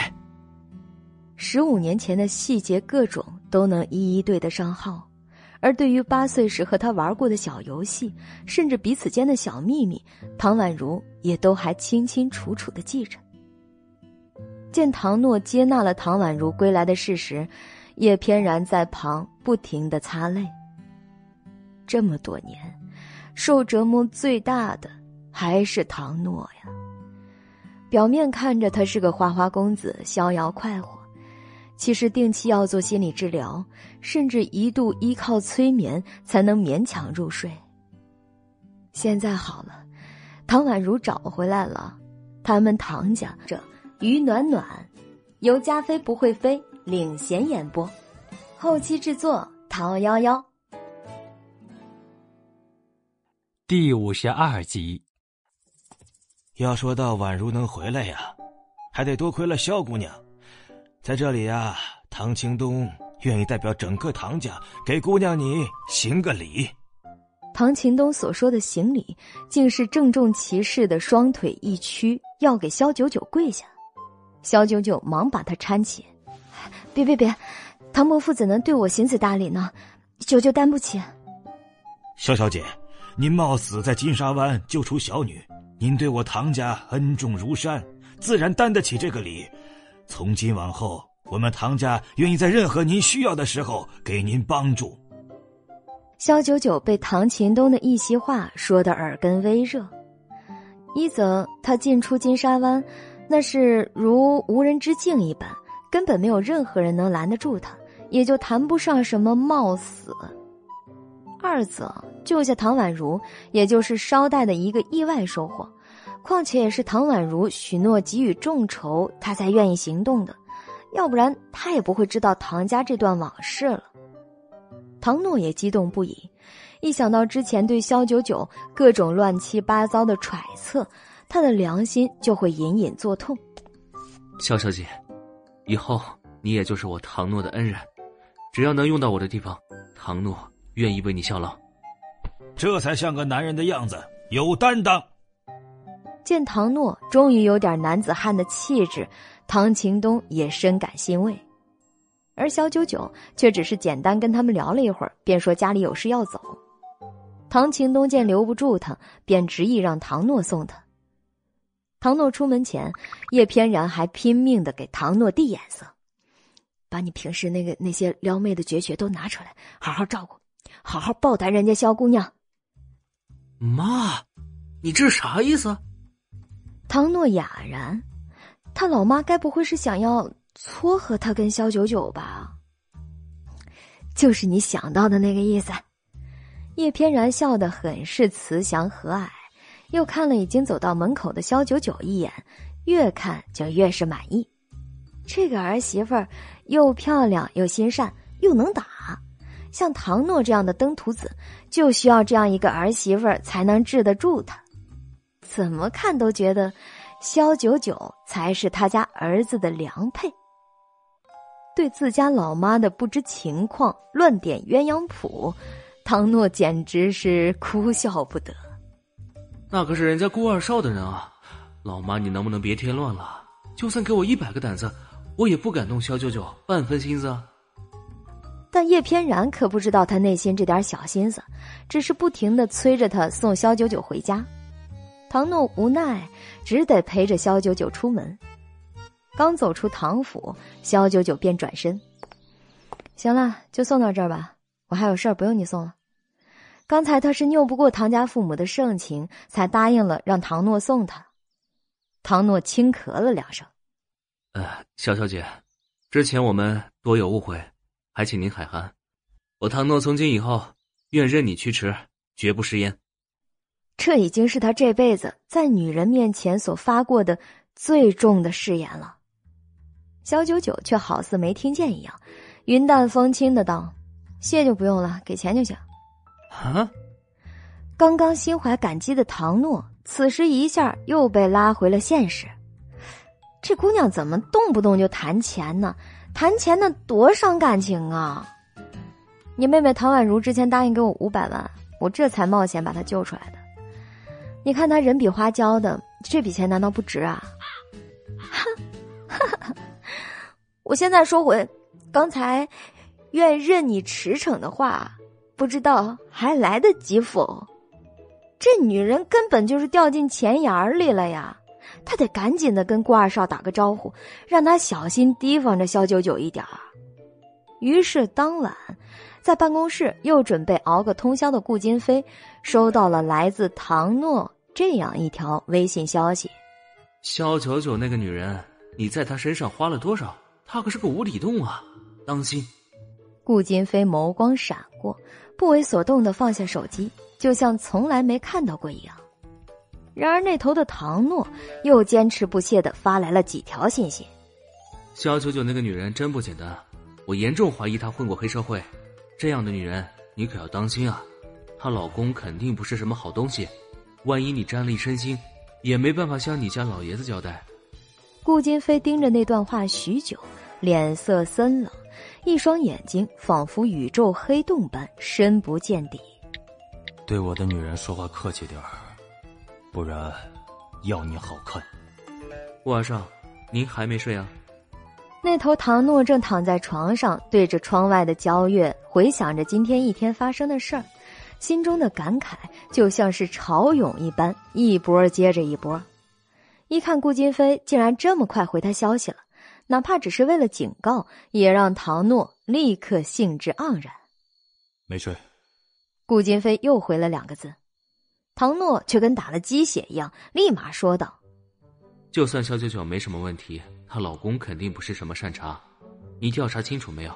要是没时间，我帮你好好查下那个男人。”顾金飞一双剑眉微沉，骨节分明的手指在屏幕上轻点。唐诺这才看到。顾金飞回了四个字儿：“别管闲事。”闲事儿，唐诺惊愕的瞪大了双眼。顾二少是不是上头了？还是说对小九九爱的深沉，连她老公也爱屋及乌了？哪有跟人家人妻相好却不在乎她老公姓甚名谁的？啊，这不科学。唐诺怎么想都觉得顾金飞这脑回路异于常人，正想问个究竟，那头顾金飞却再也没了回音儿。永嘉公寓，自从唐宛如走了，肖九九就发觉钱无义有些不对劲儿，成天抱着个手机，跟网瘾儿童一样沉迷不说，还精神涣散，有时候喊半天都没有一点反应。就连吃饭，钱无义都要一手拿手机，眼睛也是时刻不离屏幕。老钱啊，你这是要疯了吧？肖九九心里大概有了个猜测，只是缺乏证据。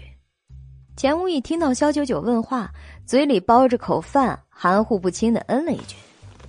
肖九九不动声色的起身，绕到他的背后，果然看到屏幕上是钱无义和唐宛如的微信对话框。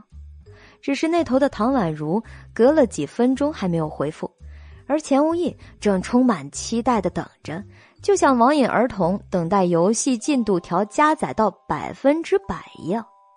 啪的一下，肖九九把他的手机瞬间抽走。钱无义第一反应便是去抢，可是起身后看到肖九九那死亡凝视般的眼神儿，又吓得缩了缩脖子，清俊的脸上。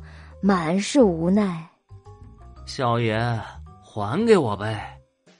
不行，肖九九波澜不惊的回到自己的座位，顺手把他的手机揣进了兜里。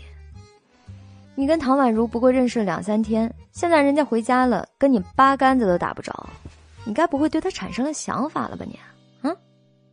肖九九冷冷的戳着钱无义，别怪我没提醒你啊！身为柳城土地。你应该明白，自己和唐宛如绝无可能。对这种没有结果的感情，你还浪费什么时间啊？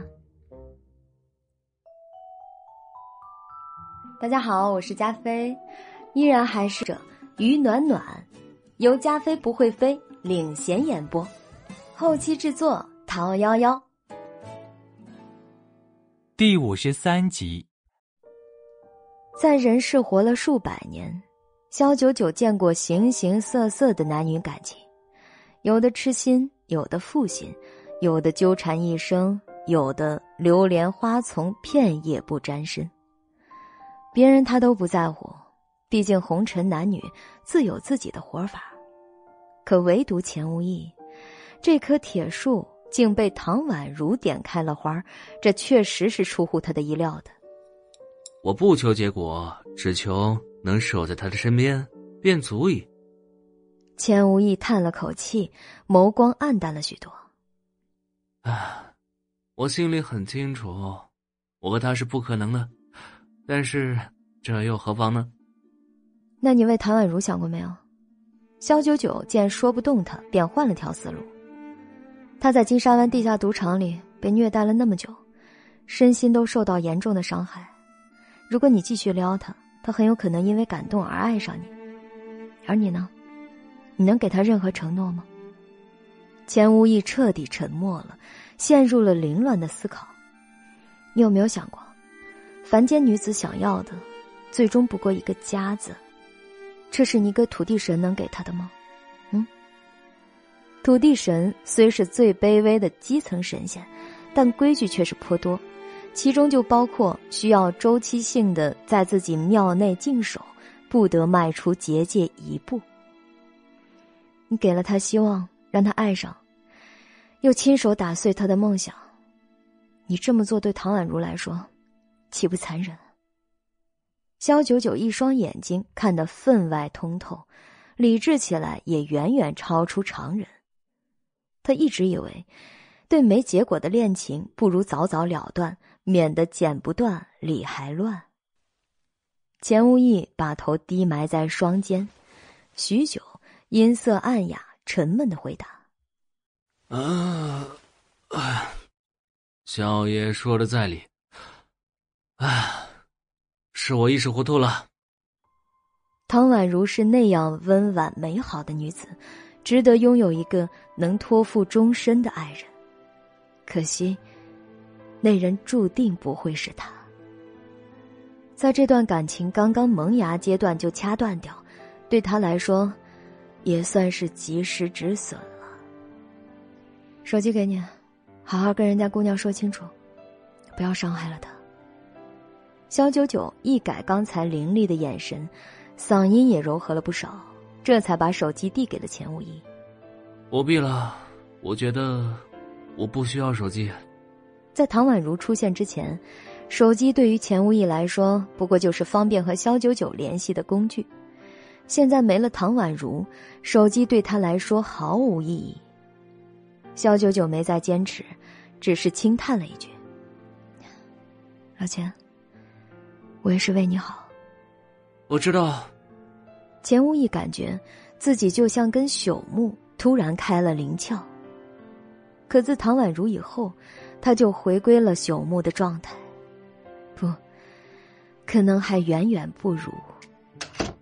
钱无义把自己关在屋子里数个小时，不吃不喝，小九九都没有去管他。每到了饭点儿，自己在桌边大快朵颐。他做的饭菜也是一顿更比一顿香，哪怕关着门，钱无义也无法拒绝这极致的诱惑。终于在天晚之时，钱无义走出门来，一双眼睛还渗着血丝，却像个饿狼般走向餐桌。那一顿，他吃了足有四碗饭，吃饱喝足，又回到房间沉沉睡去，作息规律基本跟二师兄没什么差别。到了第二天日出时分，钱无意坐在阳台上看了会儿朝阳，等到肖九九出来，他便露出了一个笑脸：“你醒了，今天什么行程安排？没有的话，我们早点去钟灵山。”肖九九一顿。顷刻间，便淡淡笑了。看到钱无意这样，他便知道他已经走出来了。上文公司的广告拍完，近期倒是没什么大的项目了。走吧，希望早点能找到县员。两人商量商量之后，便开车朝着钟灵山进发。月牙泉，即使隔了半个月，肖九九还能闻到县员的气息。他激动之余，甚至猜想，县元会不会就住在这山中？可奇怪的是，除了这座月牙泉，其他有水的地方并没有探查到同样的气息，这倒让萧九九困惑不已了。我让手下监视了整座山，也不知道为何，即使二十四小时不眠不休守着这月牙泉，也没见过有人来。钱无意同样困惑。如此明显的气息，却见不到人的踪影，这是为何？就在萧九九轻轻拍着脑门沉思起来时，数十里之外忽然传来几个人说话的声音：“有人朝这里来了，会不会是他？”钱无义的反应倒没比肖九九慢多少，脸上也是充满了欣喜。这是踏破铁鞋无觅处，得来全不费工夫。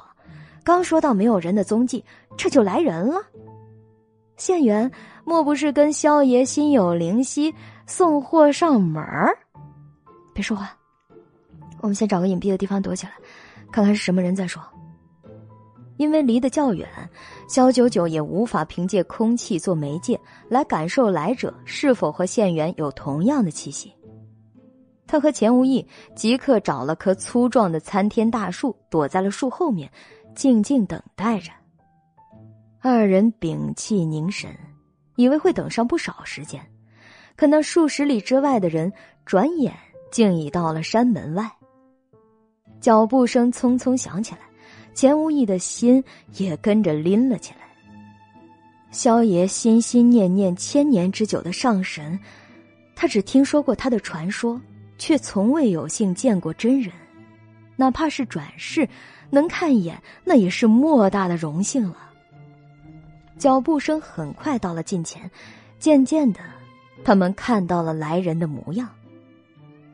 让萧九九失望的是，来的并不是什么县员，而是两三个年轻人抬着一个竹椅，上面还坐着一个老者。肖九九定睛一看，那个老者不就是当初他在商场里所救下的那个老人吗？看他的气色，倒并不是很好，这与当初他救下他时简单号脉后所得出的结论一致。他的病其实是个慢性病，突发心脏骤停只是个表象。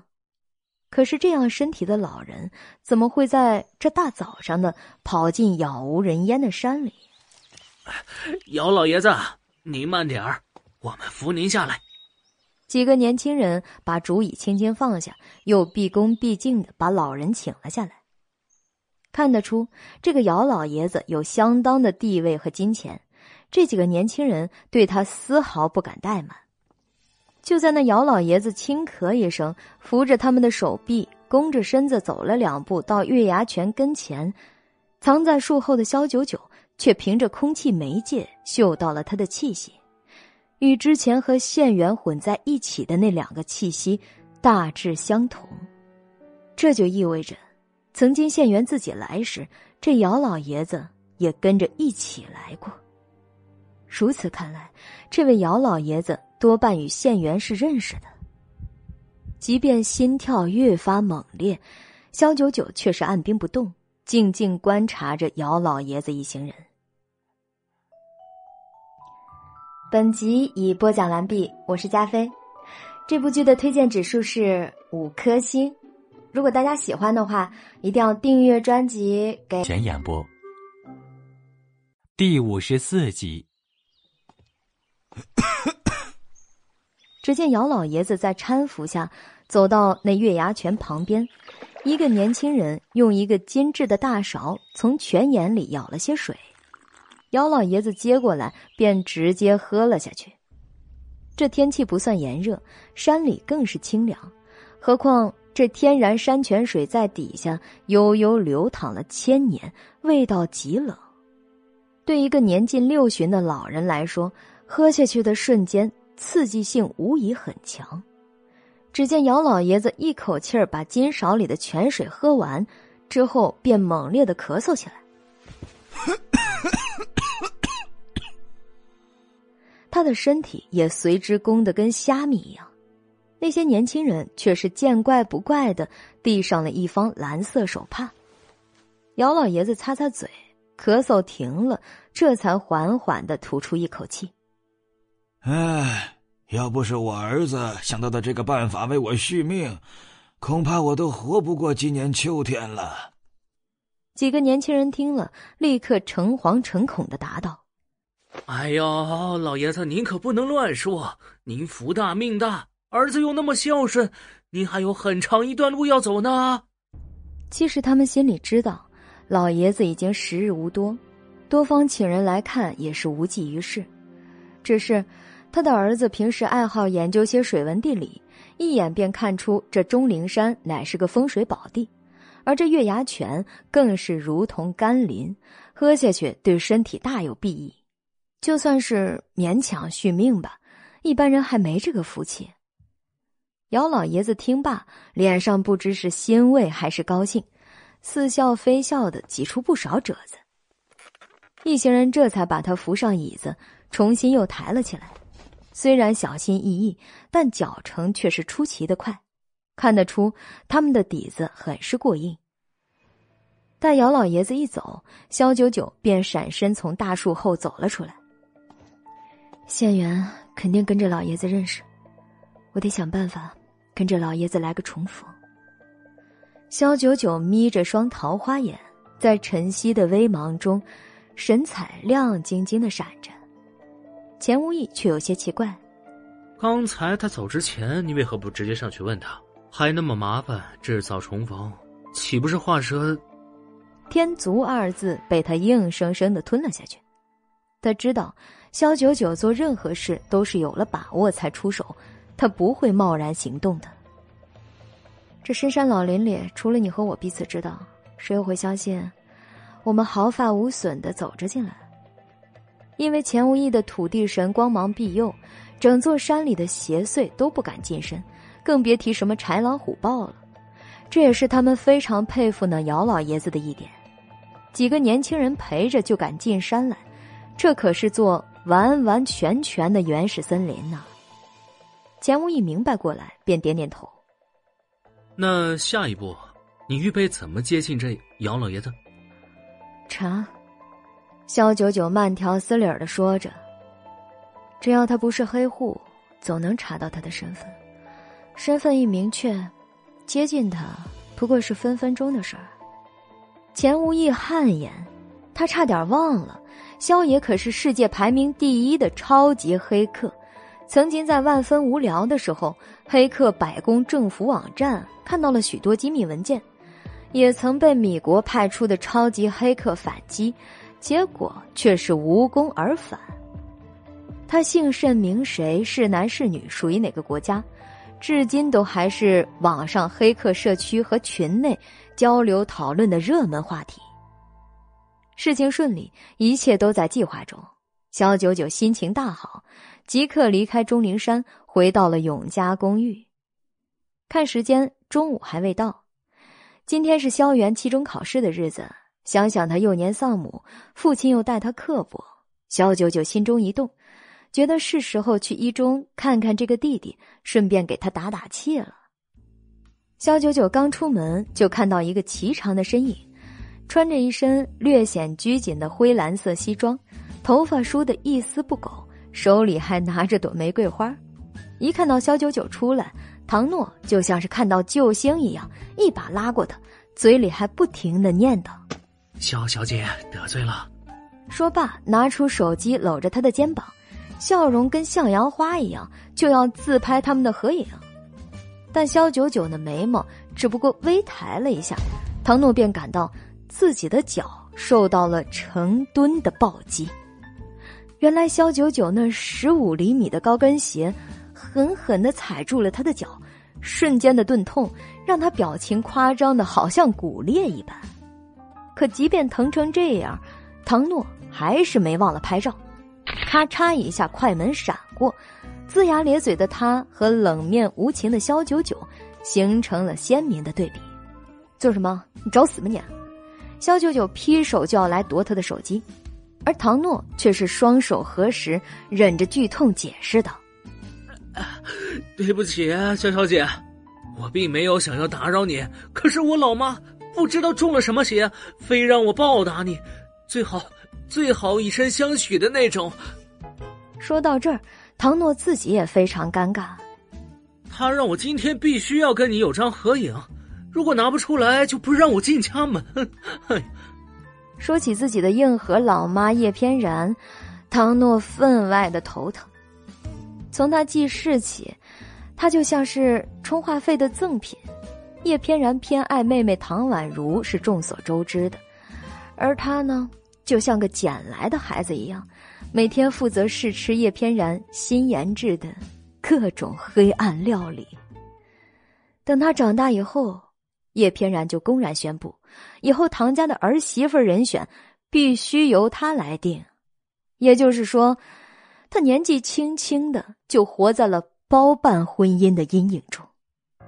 叶翩然根本不给他丝毫反抗的余地，敢说一个不字，便立即赶出家门。为了自己不至于餐风露宿，唐诺只得貌似守在唐九九家门口，拍下了珍贵的。历史一刻。虽然他的表情看起来非常的惨痛，但或许可以借此告诉老妈，人家肖九九根本就不爱他儿子这一行。听唐诺解释完毕，肖九九一抿唇，面无表情道：“这是我救了你妹以后，之前呢，你纠缠我的原因又是什么？”唐诺顿时凌乱了，他敢说。是为了逞一时之快，想抓住他的把柄吗？不，给他一百个胆子也不敢。得罪叶翩然，他顶多流浪在外；得罪萧九九，他全身的大小零件可能都会被重新拆换一遍。他大脑提高速度转了半天，这才弱弱的回答：“那个倒不是因为对萧小姐有什么想法，主要是时隔多年，突然看到我妹。”觉得有些眼熟，大概这就是血亲之间的心灵感应吧。我的大脑潜意识里告诉我，一定要找到那个妹子，所以我才一路跟着你。面对他差强人意的解释，肖九九微微勾唇，表示我信你个鬼。他唐诺是个什么样的人，早在他搜查唐府上下的消息，包括唐诺个人的时候，都已经了解的一清二楚了。既然如此，下次别让我再看到你。肖九九说罢，抬腿便走。唐诺瞧在眼里，急在心里啊！他老妈今天布置的任务，可不止拍照这一个。第五十五集。等一下，肖小姐。唐诺豁出去了，厚颜的上前一把拉住他的手。便在此时，肖九九公寓对面的门瞬间打开了。穿着一袭白色衬衫、披着高级灰黑装外套的顾金飞，一边整理着左手的腕表，一边冷眼的看着他们。特别是看向唐诺抓着肖九九的那只手，唐诺彻底吓傻了，他下意识的把手缩了回来。要是慢了一步，他的手。可能就保不住了。一时间，三个人你看看我，我看看你，气氛诡异又尴尬。顾先生，肖九九看顾金飞一副要用眼睛剜死唐诺的样子，他忍不住打破这块结冰的氛围。肖小姐要去哪儿是她的自由，如果强行拉扯，以后再被我看见。一切后果自负。唐诺一张俊脸吓得惨白，同时心里愤愤不平。比起现在这重色轻友的顾金飞，他还是更喜欢以前那个不食人间烟火、对待男女一样无情的他。啊，误会，顾二少，你听我解释。唐诺觉得自己深陷里外不是人的境地。除了跟萧九九解释，他还必须要跟眼前这位浑身都散发着戾气、恨不得分分钟就把他撕了的男人，好好说个清楚。哎呀，我是肖九九的合作方，有义务在合作期间保护他的安全。顾金飞却好似没听见的答非所问，而他表面上没有丝毫波动。闪烁的眼神却并未逃过肖九九的眼睛。如果他刚才没有听错，唐诺可是叫了这位顾先生一句“顾二少”。柳城有几个顾二少啊？他前天查唐家地址的时候，无意把唐诺的资料也浏览了一遍，其中就有同为柳城四大家族的唐家，跟顾家乃是世交。唐诺这人跟神秘的顾二少。关系匪浅。刹那，过往很多个瞬间的意外和巧合，以及诸多容易被忽略的小细节，都涌入了肖九九的脑海里。从他跟顾金飞第一次在帝景酒店见面，到第二次在公路上飙车的擦肩而过，还有后来在星耀传媒作为合作方的见面，为什么一个如此频繁在身边出现的男人？反而被他给忽略了呢。他甚至从来没有起过念头想查查这个顾先生的底细，但这些他都不动声色的默默记了下来，面上只是如常的淡淡一笑。我记得我跟山文的合作已经结束了，并且我很快就会离开这座公寓。不，在合同有效期内。你都是山文公司保护的对象。顾金飞双眼灼灼，呼吸略加重了一些。顾九九脑子里忽的又划过他跟山文的人吃饭的那晚，顾金飞一直搀扶着他到洗手间里，又把他送回了家，还一直守在他家里直到天亮。他的心中慢慢生出了一股莫名的情绪。从未有人可以在他的掌握之外。除非他不感兴趣，不想调查，而顾金飞恰恰就是那个他想都没想起过的对象。在那之前，他一直以为他只是个普通的暗恋者、追求者。肖九九忽而一笑，这一笑让顾金飞眼里划过一丝莫名。顾先生，我赶时间先走了，有些事儿我们下次再谈，不迟。见肖九九手上拎着便当盒，顾金飞便礼貌性的点点头，看着他一袭白色衣裙在风中摇曳生姿的离去，等他走远了，唐诺整个人像是得到了救赎，瘫软了下来。又忽然想到老妈叶翩然布置的任务还没完成，更加蔫巴了。二少，这件事我可以解释的，真不是你看到的那样。我对萧九九他真的没那个意思！我再怎么色胆包天，也不可能把手伸向您的女人，你说是不是？而顾金飞却压根儿对他的话置若罔闻，他的视线一直看着萧九九走远了，直到看不见，而后便对唐诺说了两个字：“进来。”唐诺走进顾金飞的公寓，还没有来得及换拖鞋，就听顾金飞说道：“她是我老婆。”哈哈，唐诺的内心。顾二少，您在说什么呀？是不是想老婆想疯了？快醒醒，那可是人妻呀！不是，顾二少，您能说的具体点吗？谁，谁是您的老婆？难道除了萧九九，顾金飞还金屋藏娇了一枚老婆？顾金飞却头也没抬，直截了当的说道：“萧九九就是我的老婆，我们已经领证半年了。”唐诺听罢，张大的嘴巴半天都没合上，但他却像个苍蝇满屋子乱转，最后找到了茶壶，给自己倒上满满一杯茶水，又一口气喝了下去，好像才回到了真实的世界里。顾清飞和萧九九是有证的夫妻关系。什么时候结的婚？我我怎么不知道？还有。你俩竟然是夫妻，你你玩个什么暧昧你？还让他费尽心思的在微信上以顾金飞的身份撩了萧九九那么长时间，怎么的？最近的小夫妻都喜欢玩这种情趣的吗？哈，把他玩的跟个二傻子似的。我们是隐婚，是双方老爷子安排的，我们之前都没见过，我也是最近才知道，她就是我的老婆。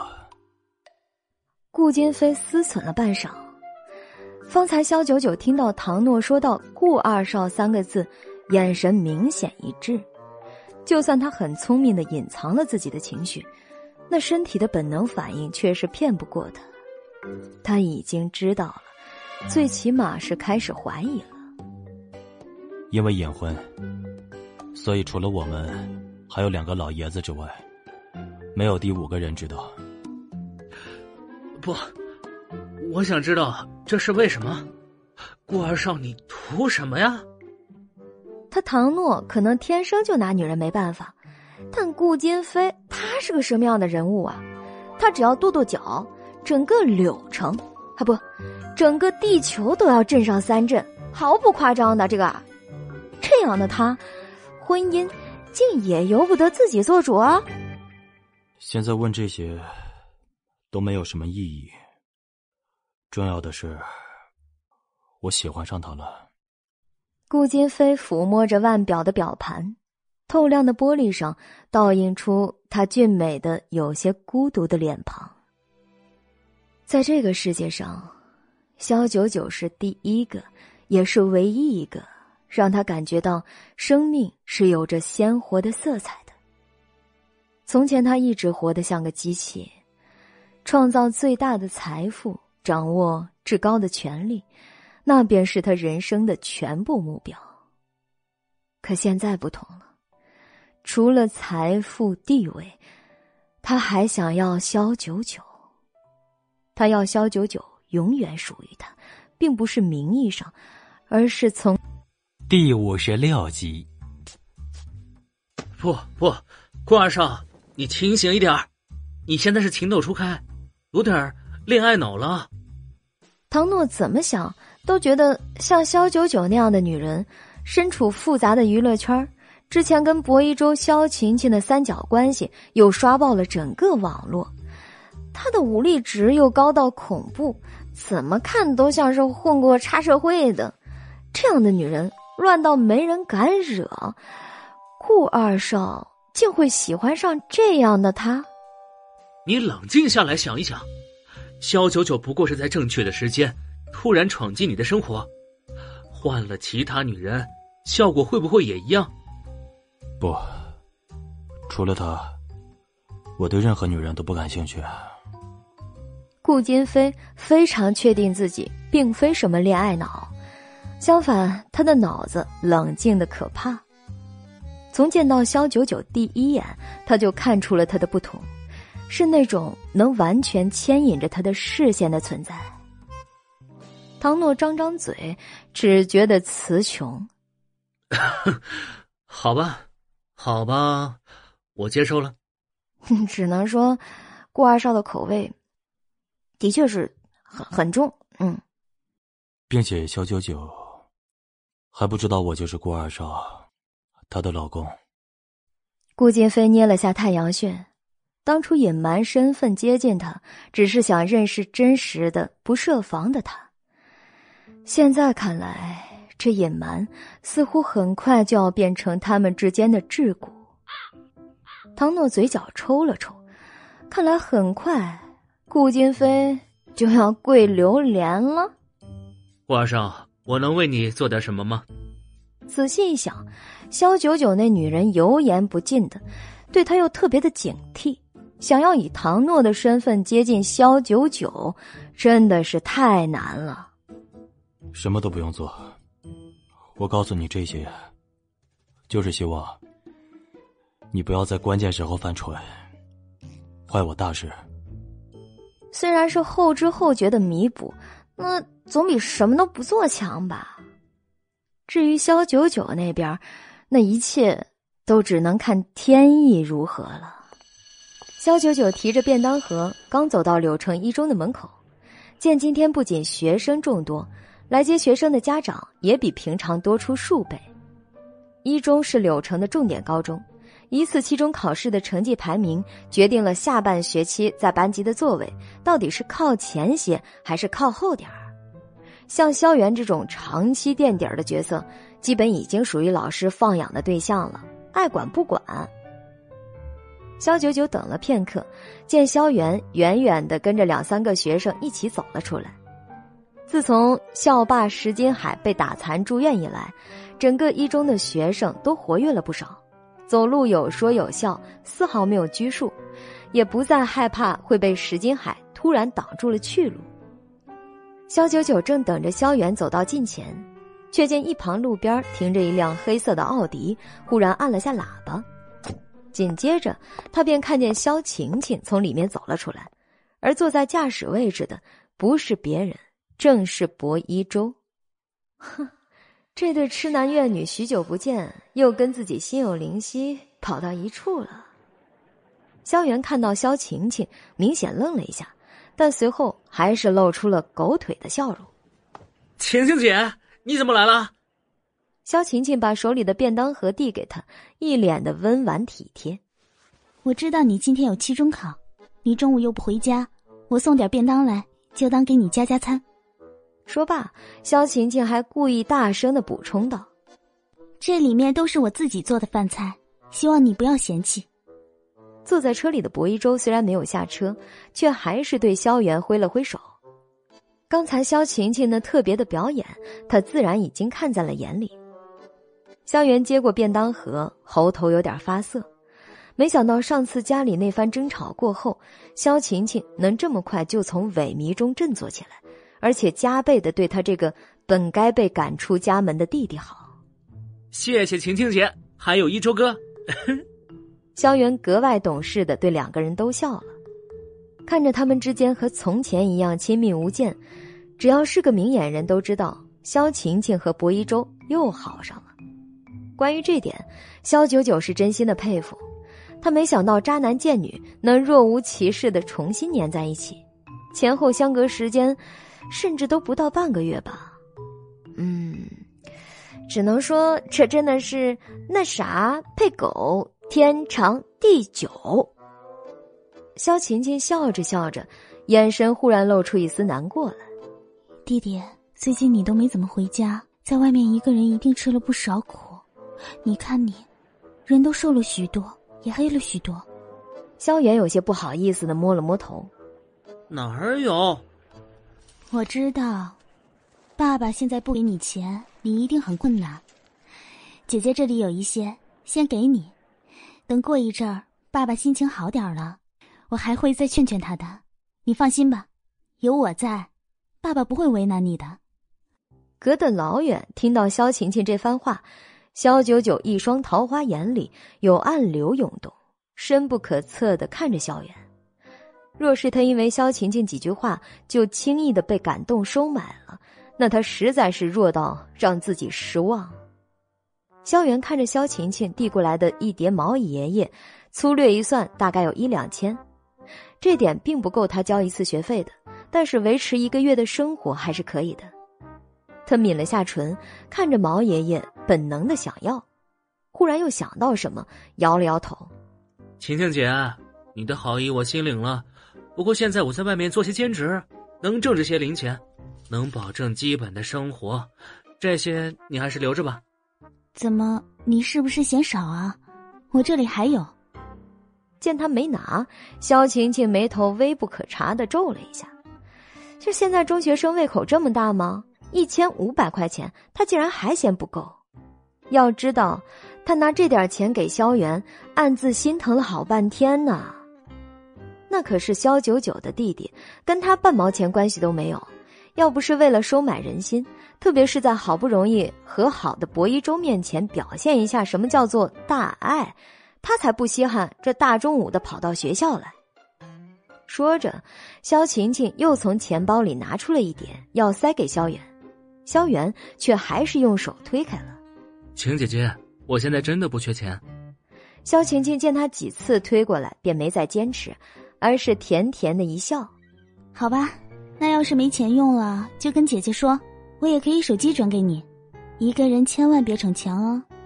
那副极致的温柔模样，羡煞了萧元旁边的几个男生。就在萧晴晴转身走向博一舟的奥迪车时。几个男生统统的忍不住了。哎，没想到你还有个这么体贴的姐姐，又是送饭又是送钱，还那么温柔。哎呦，那么好的美女给你钱你都不要，你说你小子想什么呢？分明不给人家面子呀！羡慕死了，真是饱汉子不知饿汉子饥。我要是有这么个好姐姐，就是死了都值得。还有的则被萧晴晴的颜值和温婉的性格收服了，瞬间变成舔狗。这好像不是你亲姐姐吧？那她真的太难得了，对你这个没血缘的弟弟都如此照顾。要是她没男朋友，我都想倒追她了。走出数米的萧晴晴听到萧元那些同学的评论，嘴角不由得意的勾了。第五十七集。不管萧元给不给他面子，反正他的目的是达到了。就算前段时间他还深陷于微博的负面新闻舆论中，又如何？反正网友的忘性那么大，只要新的热搜出来，他在人前刷几波好感，很快他们就会重新粉上他了。就在萧晴晴拉开车门要上车时，博一舟却看到。有个穿着一袭白裙、风姿旖旎的女人，也朝着萧远走了过去。他只不过匆匆的瞥了一眼，可就那一眼的功夫，眼神便移不开了。一周哥，你在发什么愣啊？还不开车？上车在副驾驶落座的萧晴晴本来非常满足，今天的表演收获满满。可当他顺着薄一舟的视线看去，见萧九九不知什么时候出现在萧元的面前，他顿时明白了，薄一舟到底在看什么，看得入了迷。他的心里顿时翻江倒海的难受。他努力了那么久，这才好不容易让薄一舟答应给他次机会。可萧九九他做了什么？凭什么每次只要一出现，他就能自动的牢牢吸引住薄一舟的视线？他极度的要抓狂。狠狠的捏住了拳头，指甲已经深深的嵌进了肉里，却一点都没有觉出疼痛来。一周哥，那不是九九姐吗？这么巧，我去跟她打个招呼吧。与其被动，还不如主动应战。萧晴晴貌似平静的重新打开车门，强忍嫉妒，让脸上挤出一个笑容来。没想到薄一周竟说道：“我跟你一起去。”丝毫没有要避讳的意思，仿佛他根本不知道萧晴晴到底在意些什么。萧晴晴原本快要扭曲的恨意，忽然因想起什么来，变得烟消云散了。反而他心情甚好的挽住了薄一舟的胳膊，状似亲亲热热的与他一起走向他们。萧元那边正要回学校，就看到萧九九从天而降一样拦住了他的去路。几个男生一见，不约而同的眼里放出金光。我的那个天老爷呀，这是什么神仙小姐姐呀？这也太漂亮了吧！就是站在那儿不说话，都能让人心惊摇曳半天。小姐姐，你你也是找萧元的吗？萧元没说话，却有个刺头男生结结巴巴的开了口：“我是他姐，亲姐。”萧九九笑眯眯的，气定神闲的站在那儿，一头墨染般的秀发随风轻舞，一时间让那几个男孩子都看得有些呆了。不知接下去该说什么。萧元，这这真的是你亲姐？你们一点都不像啊！刺猬头男生反应过来之后，把萧九九和萧元的脸都看了看。萧元顿时脸黑，谁让他俩一个像爸，一个像妈呢？这本来就是他心中永久的痛啊！因为不像去世的母亲，连外公都懒得搭理他，只对萧九九一人呵护有加的。呃，姐，你怎么也来了？萧元见萧九九来了，虽然有点意外，但心里却还是喜滋滋的。这种喜悦比刚才萧琴琴出现的时候强烈的很多，而且是发自内心深处的那种。萧九九摇了摇手中沉甸甸的饭盒，我亲自做的，本来想送来给你，让你期中不要考得太过难看，给我丢人。不过。他瞄到萧元手里拿着个粉红色的、少女心满满的饭盒，云淡风轻的接着道：“现在看来，你已经不需要了，有人给你送过了。”哇，萧元，你这也太爽了吧！哇，两个姐姐，一个接一个给你送饭，哎，你这如果不要，就给我们吃好了。哎，反正你一个也吃不完。刺猬头眼里狂冒小星星啊！说着，就准备代替萧元接过萧九九手里那个略显质朴的便当盒。可是萧元头皮却是有点发麻。在萧家，大家都知道萧晴晴的厨艺那是出了名的好。萧北望有几次举办家宴的时候，还特意让他掌勺，获得一片好评。可至于萧九九的厨艺，那只能说是。勉强能把泡面煮熟了而已。为了不让刺猬头等人嚼他亲姐的舌根，萧元便一把抢过萧九九的便当，接着在校门口找了个休闲桌椅坐下。我吃你的。萧九九眸光微闪。不管怎么说，小伙子终是做出了正确的选择，孺子可教也。刺猬头一看便当被抢了，便失望的拿过萧晴晴那只。呃，萧元，讲道理啊，你一个人吃两份，肯定是浪费了，还不如把这份给给我们。退而求其次也行，而且萧晴晴这只看着就比较有食欲。这我可做不了主，毕竟做盒饭的人我在。萧元有点为难。如果给刺猬头吃了萧琴琴做的，他一下子吃上瘾了，可怎么办呢？没关系，既然多出来了，你们吃也无妨。忽然，一个轻轻柔柔的声音仿佛随风吹来，众人正凑在桌前，一抬头便看见萧晴晴挽着薄一舟的胳膊，脸上溢满了幸福和骄傲。萧元显然没想到，萧晴晴还能杀个回马枪，而且还带着薄一舟。啊，晴姐姐，你怎么回来了？他万分不解的看着萧晴晴，又心虚的看了一眼萧九九。虽然他心里是百分百站在萧九九这边的，可是这在做卧底的阶段，还是要扮的像个狗腿子的样子呀。我就是很久没有看到九九姐了，有点想她，所以来打个招呼。肖九九波澜不兴的微扯了下嘴唇，抬手道：“打过了，你可以走了。”这对男女总能选择在最佳时机来爱他的眼。虽然他根本不在乎他俩分了还是合了，可是萧晴晴却不遗余力的一直架着薄一舟在他面前显摆，那还的确是有点恶心人了。姐姐，你怎么可以这样？萧晴晴抿唇，眼神有点受伤。人家只是想你了，你却这么敷衍，巴不得我走吗？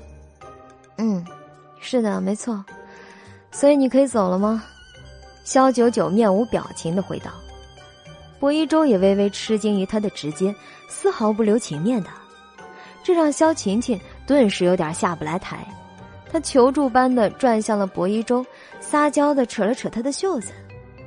薄一舟还没说话，刺猬头却和事佬一般，嘻嘻哈哈的说道：“呃，小远，你真是好福气啊！哎呦，两个姐姐争着给你做便当，哎，不如我们现在吃了吧，省得一会儿凉了还要拿回去加热啊！”众人一致同意，只有萧九九没说话，眼角还带着一抹轻蔑。这不是明摆着想要比较这两份饭菜的味道吗？萧晴晴心里一万个赞成，就萧九九那种上不了台面的做饭水平，怎么能跟他相提并论呢？只要吃过他做的饭菜，那就足够这帮学生终身难忘了。而萧元却竭力反对：“不要了，这里风大，我怕吹脏了，还是回宿舍慢慢吃吧。”萧元非常后悔今天出门没看黄历，怎么带来这群麻烦的家伙一起啊？这下，他亲姐的薄面，他估计是很难保得住了。大家好，我是公元之前啊，为了方便记忆，你们这于暖暖由加菲不会飞领衔演播，后期制作陶幺幺。第五十八集，那和刺猬头一伙人起哄不止，又得到了萧晴晴的首肯，他们便直接先将萧晴晴那份便当打开了。只见五格装的食盒内装有油焖大虾、孜然排骨、手抓羊肉、葱香烙饼、芙蓉鲜蔬汤，满满当当的，荤素搭配，香气扑鼻，一看就让人食欲爆棚。嗯啊。哦，不是吧？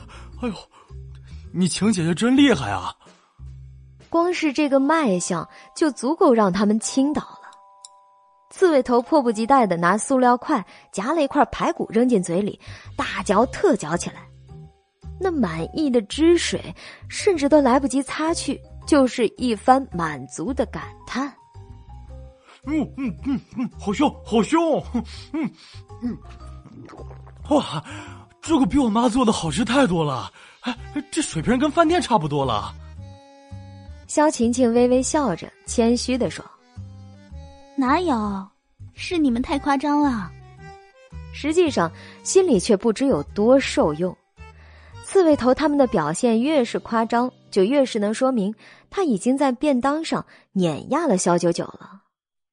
波一周眼底闪过一抹晦涩。萧九九也曾在他面前想表现出贤惠的样子，奈何没有那个真功夫，根本就不足以填饱他的胃。在这方面相比啊，他真的很不看好萧九九。萧元心情沉重的瞄了一眼萧九九，那个意思便是：你闲的没事送什么便当来给我呀？偷偷送也就罢了，还非得当着这么多人的面，你这不是自找屈辱吗？嗯，但架不住刺猬头等人的催促啊，他还是慢吞吞的把萧九九的饭盒盖子给打开了。本来没精打采的眼神儿，在看到饭盒里的东西时，突然一个振奋，瞬间亮晶晶。可不是吧？这饭盒里的东西也未免太过豪华了吧？瞬间，连围观的一众男生也不约而同的爆发出了一声赞叹：“哇！”萧元不敢相信自己的眼睛，这份便当里装着的竟然是八道一看就知道很名贵的菜肴：鱼翅、海参、鲍鱼、鱼骨、鱼肚、虾、芦笋、火腿，加上最中间的一道鸡胸肉。光是这讲究的摆盘和精致的做工，鲜艳欲滴的色泽，都叫人眼花缭乱，移不开视线。这这，这是你做的？啊？萧元匪夷所思的抬头看着自家亲姐，萧九九懒懒的答道：“别废话了，快趁热吃吧。”萧元在众目睽睽下随意夹了一筷子虾肉送进嘴里，唇舌立刻被那股鲜香爽滑的口感包围，接着就是毫不犹豫的夹了第二块、第三块。看得他吃的头也不抬，表情不知有多厌足，直勾的旁边刺猬头等人也馋虫直冒啊！萧晴晴做的再好，那也不过是普通的家常菜色。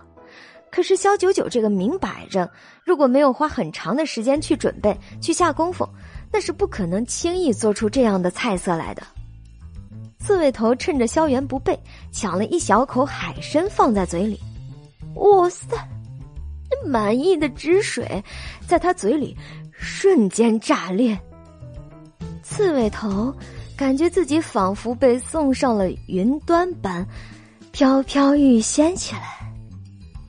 嗯，哇，这也太好吃了吧！姐姐，这真的是你自己做的吗？一旁的萧晴晴见众人吃的满足，再也没人对她的便当感兴趣。实在不甘就此被比下去，而萧九九则连个余光都懒得给他，就知道他嘴里又要有什么说辞了。是或者不是，跟你有什么关系啊？萧晴晴眸光闪过一抹怨毒。萧九九的厨艺是出了名的低劣，在萧家的时候，谁都不愿意吃他做的菜。现在才多长时间呢，竟能达到这种水准？就是打死他，他也不会信。凭什么他信手拈来的菜肴，被萧九九不知从哪儿买来的饭菜给盖过了风头？这道菜我好像在哪里吃过呀。一旁看了许久没说话的薄一舟，忽然若有所思。是了，我记得《紫逸轩》里就有这道菜，叫做八仙过海。听到薄一舟提到“紫逸轩”三个字，吃得兴起的男生都纷纷抬起头来。萧元不可置信的抹抹嘴，这弯转的实在太急，让他差点当场就驾崩了。怪不得萧九九的菜这么好吃，原来是紫逸轩大师傅的杰作呀！还是一周哥见多识广，那紫玉轩可不是随便什么人都进得去的地方。光是会员预约制度，就把柳城百分之九十九的人都挡在了门外。见薄一舟开枪，萧晴晴瞬间一脸笑容灿烂，眼尾又带着无比的鄙视和厌弃。作为柳城顶级的师傅，紫玉轩呢，向来是一座难求。即便你再有钱，也未必能想吃就吃得上。绝大部分的人也只是听过紫逸轩的大名。靠着脑部去想象那些精致高级的菜肴而已，就这些男生有几个敢说去过紫逸轩的？不过是从来没吃过，所以才会误以为这是萧九九做的。他们相信萧九九，那是因为他们的无知。可是我听说紫逸轩里只有一位金牌大厨才会做这道八仙过海，如果要是没有特别的预约，是根本不可能吃得上他的作品的。这是最让薄一舟纳闷的地方，像萧九九这样无权无势的十八线小明星，竟然能和那位神龙见首不见尾的金牌大厨打上交道，还是说，他那位宠溺的外公为了满足他一时的虚荣，不惜下场子替他四处求情？想来想去，还是后者的概率更大一些吧。薄一舟的神色变得复杂起来。摇着头对萧九九道：“九九啊，做人最重要的还是诚实。如果你想让别人称赞你的厨艺，就踏踏实实的去学，总有一天会像晴晴一样。但是如果你太过虚荣的话，想用大师的菜肴来压过晴晴，那这就是你的不对了。”萧九九仿佛是听到了最好笑的笑话。在薄一舟看来，他是费尽心机打听到萧晴晴要来，为了在他面前秀厨艺，特地买了紫逸轩的菜肴过来。你所说的那位大厨叫什么名字？萧九九不急不慌，嘴角甚至挂着讽刺的意味。这对贱男渣女一定要在他面前刷存在感，那他就让他俩脸都打烂。名字我倒是记不太清了，只是记得好像姓何。面对他突然的发问，薄一舟有些为难起来。虽然他家在柳城也算是名门，可有幸吃到紫逸轩那位大厨的菜肴，也是沾了他爹的光。仅此一次，再无下回啊！大家好，我是加菲，依然全演播第五十九集。萧晴晴不动声色的拿出手机来，一番搜索以后，红唇微起，带着看好戏的笑意。姐姐，我倒是在网上搜到了，这个神秘低调的金牌大厨叫何骁龙。哦，厨神何骁龙。他这么一说，刺猬头等学生也开始拼命的点头。这个名字那简直是如雷贯耳啊！可以说，何骁龙乃是柳城厨子界的扛把子，是坐第一把金交椅的人物。原来是他呀！萧九九噗的一下，差点笑出声。那个稚嫩的娃娃脸在他眼前晃悠个不停，哀求着让他一定要收下自己为徒。种种往事，仿佛就在昨天。没想到他再次历劫以后，人间一晃几十年过去，何骁龙已经坐上了柳城第一厨神的位置。看到萧九九镇定自若的样子，萧晴晴既惊讶又怨恨。演戏被薄一舟当面拆穿了，我看你还要强撑到几时啊？这样吧，既然你说这是何骁龙的作品吧，啊，那我帮你电话咨询一下，好不好？说着，肖九九拿出手机拨打了一个电话过去，并且开了免提。您好，这里是紫逸轩，请问有什么可以帮到您？请问贵店何大厨近一个星期当班了几天啊？分别给哪些客人服务过？那边的客服犹豫了一下，但眼见打进来的电话号码是标记了钻石 VIP 的级别，便还是恭恭敬敬的照实回复了。您好，尊敬的客人，何骁龙大厨近一个星期都在海外度假，并没有当班记录，也没有服务过任何客人哦。挂完电话。肖九九微抬了下细长的眉毛，肖晴晴和薄一舟都觉得诧异。在全柳城，除了何骁龙，还有谁能做出这样的菜肴来？姐姐，就算不是何骁龙的作品，也不可能是你做的呀。咱们可都是亲口尝过你做的饭菜，那个味道还能不知道吗？你说对不对啊，小袁？见萧晴晴点名让自己给他作证，萧元左右为难。脸几乎都要憋红了。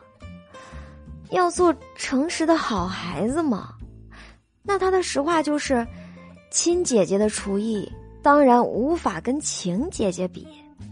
可是这道菜，他亲姐姐说是亲手做的呀，这到底该信谁的？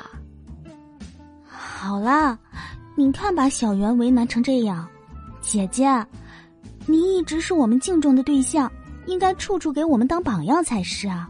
虽然明白你的良苦用心，可是不是自己的东西硬说是自己的，这是对原作者的不尊重呀。萧晴晴一番振振有词，让刺猬头等人也茫茫然了，不知道该点头还是该摇头。他们只知道能吃上这道八仙过海，这趟便不虚此行了。薄一舟见萧九九不说话，以为他是无话可说了，便想让他有个台面下来。晴晴啊，你也少说两句。这不管怎么样，你姐姐她是为了小圆好吗？呃，我相信给他时间呢，他会努力练习的，证明自己的厨艺不俗。得，这屎盆子都扣在头上了，却不见萧九九有半分的着急上火。萧元都替他着急了。秦姐姐，一周哥。你们都别说了，我下午还有考试，马上就要回宿舍了，我想单独跟我姐说会儿话。萧晴晴得意洋洋的，差点刹不住笑意。好了，那我们就走了。姐姐，有机会将来你还可以做给我们吃的。不必了。萧九九凉薄的勾唇，你不配。想当初，他坐镇厨艺界头把交椅的时候，服务的客人不是迪拜王子，就是英国首相。他的厨艺被政府高度重视，当成重要的交际手段，只在政治宴会上才能展现的。像萧晴晴这样的贱女，估计烧高香都求不来的。萧晴晴却是眼眸一寒。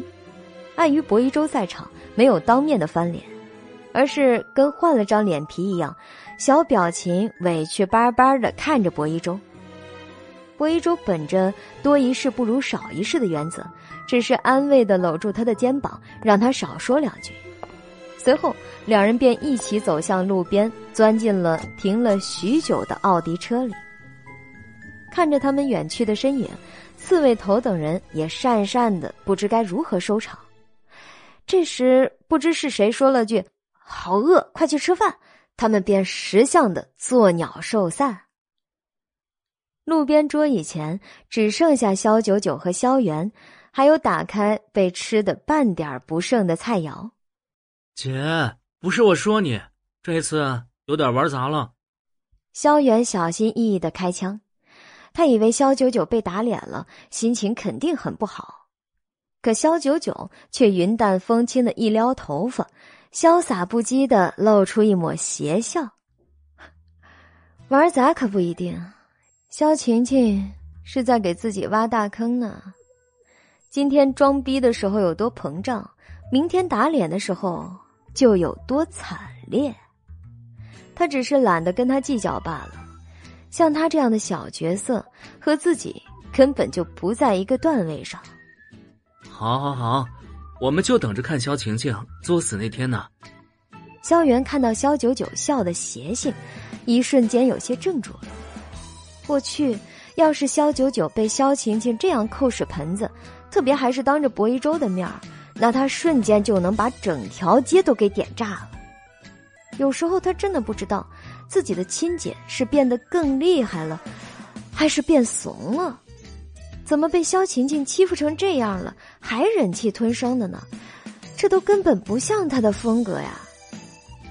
临别的时候，萧九九别有深意的对萧元说道：“这次考试你一定要好好考，钱的事儿你不用担心，我已经帮你解决了。”什么钱呢？萧元云里雾里的，还没明白萧九九在说什么。就萧琴琴那么喜欢装逼，也不过就给他一两千而已。现在萧九九又能给多少呢？反正多少也是于事无补。不过这些萧元都没有说出来，而是懂事的点点头。姐，你就别为我分神操心了，好好搞你的事业。你看你都多久没在电视上露脸了？嗯，萧九九轻笑着，忽的拍了一下他的肩膀，把一包神秘的药粉递给了萧元。这个玩意儿，你见机帮我撒在萧晴晴的床上。别被他发现就行了，嗯。这是什么？萧元心里有很多的问号，奈何萧九九拒不回答，只是神秘的微笑。好东西，用了可以看大戏。萧元表情变得纠结又复杂，但最后还是郑重的点了头。管他啥玩意儿呢，顶多不过就是让萧晴晴皮肤痒痒几天呗。这点手段实在是太幼稚了，不过总比什么都不做的好。萧元把药粉揣进兜里，和萧九九挥手道别以后，心情愉悦的转身便走了。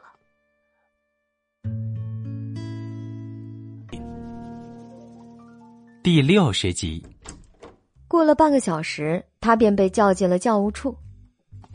小袁，你的学费已经交到足够毕业。下午考试过后，你就像照常那样在教室里面听课吧。呃，这次考试呢，你也照常参加。你的卷子我会让老师发给你的。考试要好好加油，老师很看好你。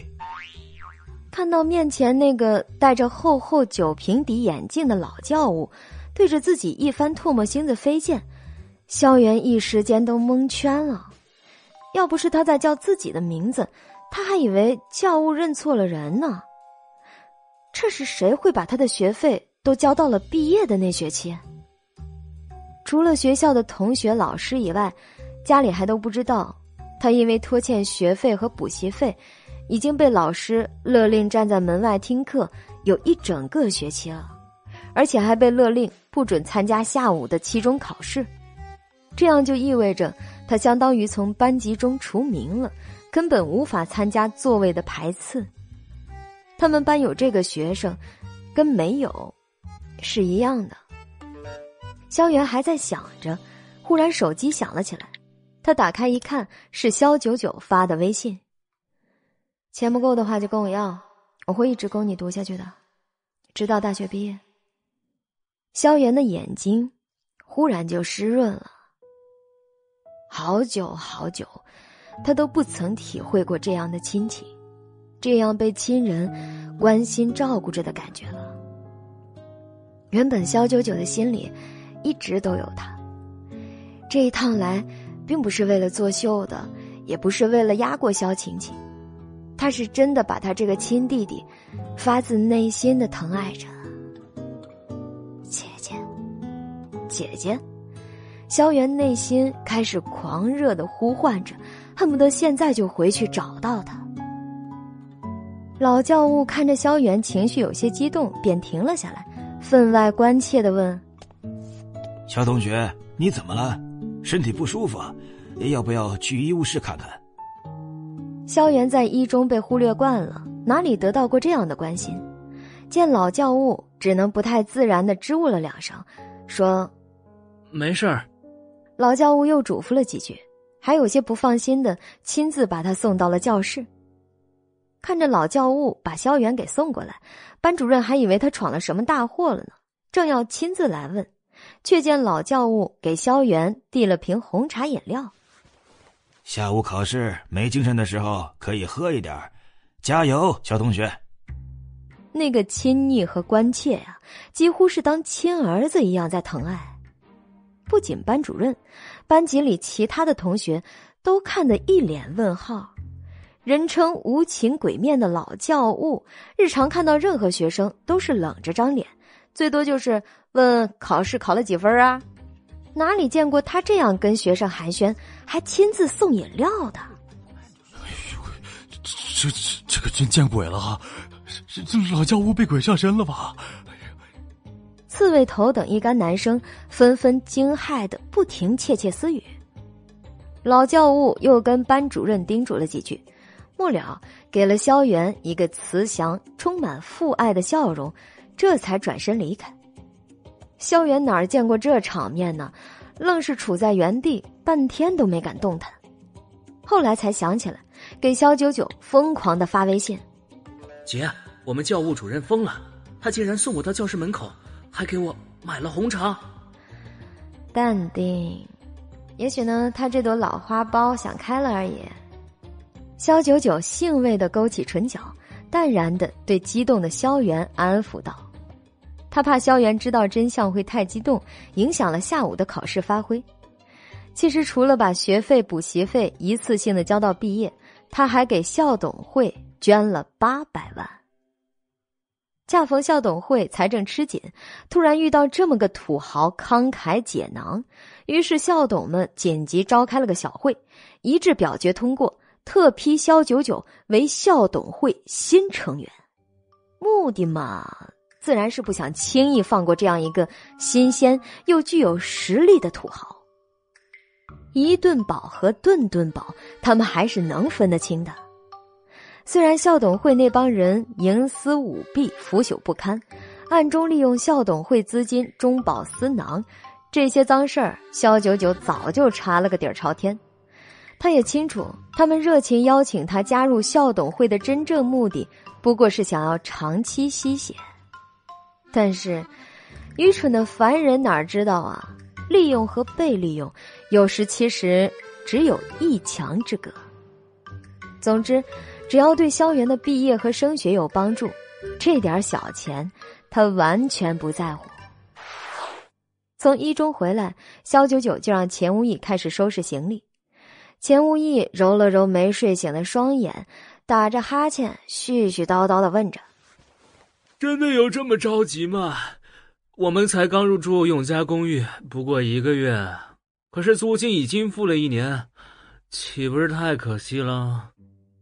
为了一年租金住在这鸟不拉屎的地方，肖九九白了他一眼。这里不管是离公司，还是离外公家，亦或是柳城一中等等，都太过遥远了。当初来这儿不过是为了寻找县元上神的线索，现在线索找到了，他自然是要循着线索搬家了。好在钱无义追随了他几百年，也早就习惯了他这样居无定所、随时搬家的样子。啊，行吧，只要带着我的神像，去哪里都无所谓。虽然他厌倦尘世的喧嚣，可是这次入世还是有些不同的。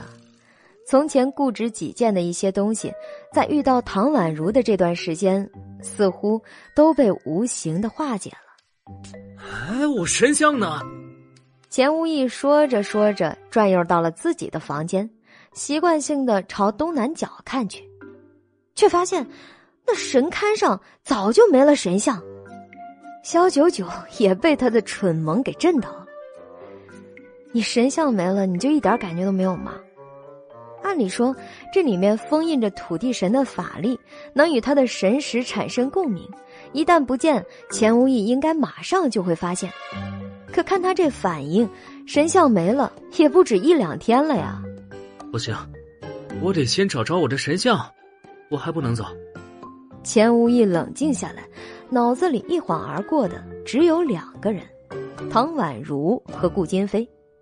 唐宛如一个傻白甜，怎么会无缘无故的拿恩主的东西？何况钱无义早就对他说了，那是他的命根子。而顾金飞，钱无义回想了几次跟他照面就没有痛快过。这个腹黑阴险的家伙，说不定真的在暗地里对他的神像下了手。少爷，我敢说，神像在顾金飞房间里，你信不？钱无义深深的吸了口气，吐纳吸收了来自钟灵山的天地灵气，愈发感觉这神像离他很近。萧九九桃花眼微眯，蹦出一丝危险的信号来。别说钱无义，就连他也觉得顾金飞非常的可疑。信，像他这样城府极深的人，谁知道他是不是一早就盯上了你的神像？肖九九眼睛转了几转，这才把之前刚查到的事儿跟钱无义共享了。老钱，你知道吗？顾金飞跟顾二少其实是一个人。钱无义清俊的脸上开始微微的皲裂了。他们是一个人，是他为什么要用不同的身份在萧炎宁的面前出现呢？顾二少，顾二少。不就是萧九九的名誉老公吗？那个戴着面具的神秘男，可顾金飞那是山文公司的一个执行总裁呀，跟顾二少比起来，不过是冰山一角。大家好，我是公元之前啊，为了方便记忆，你们。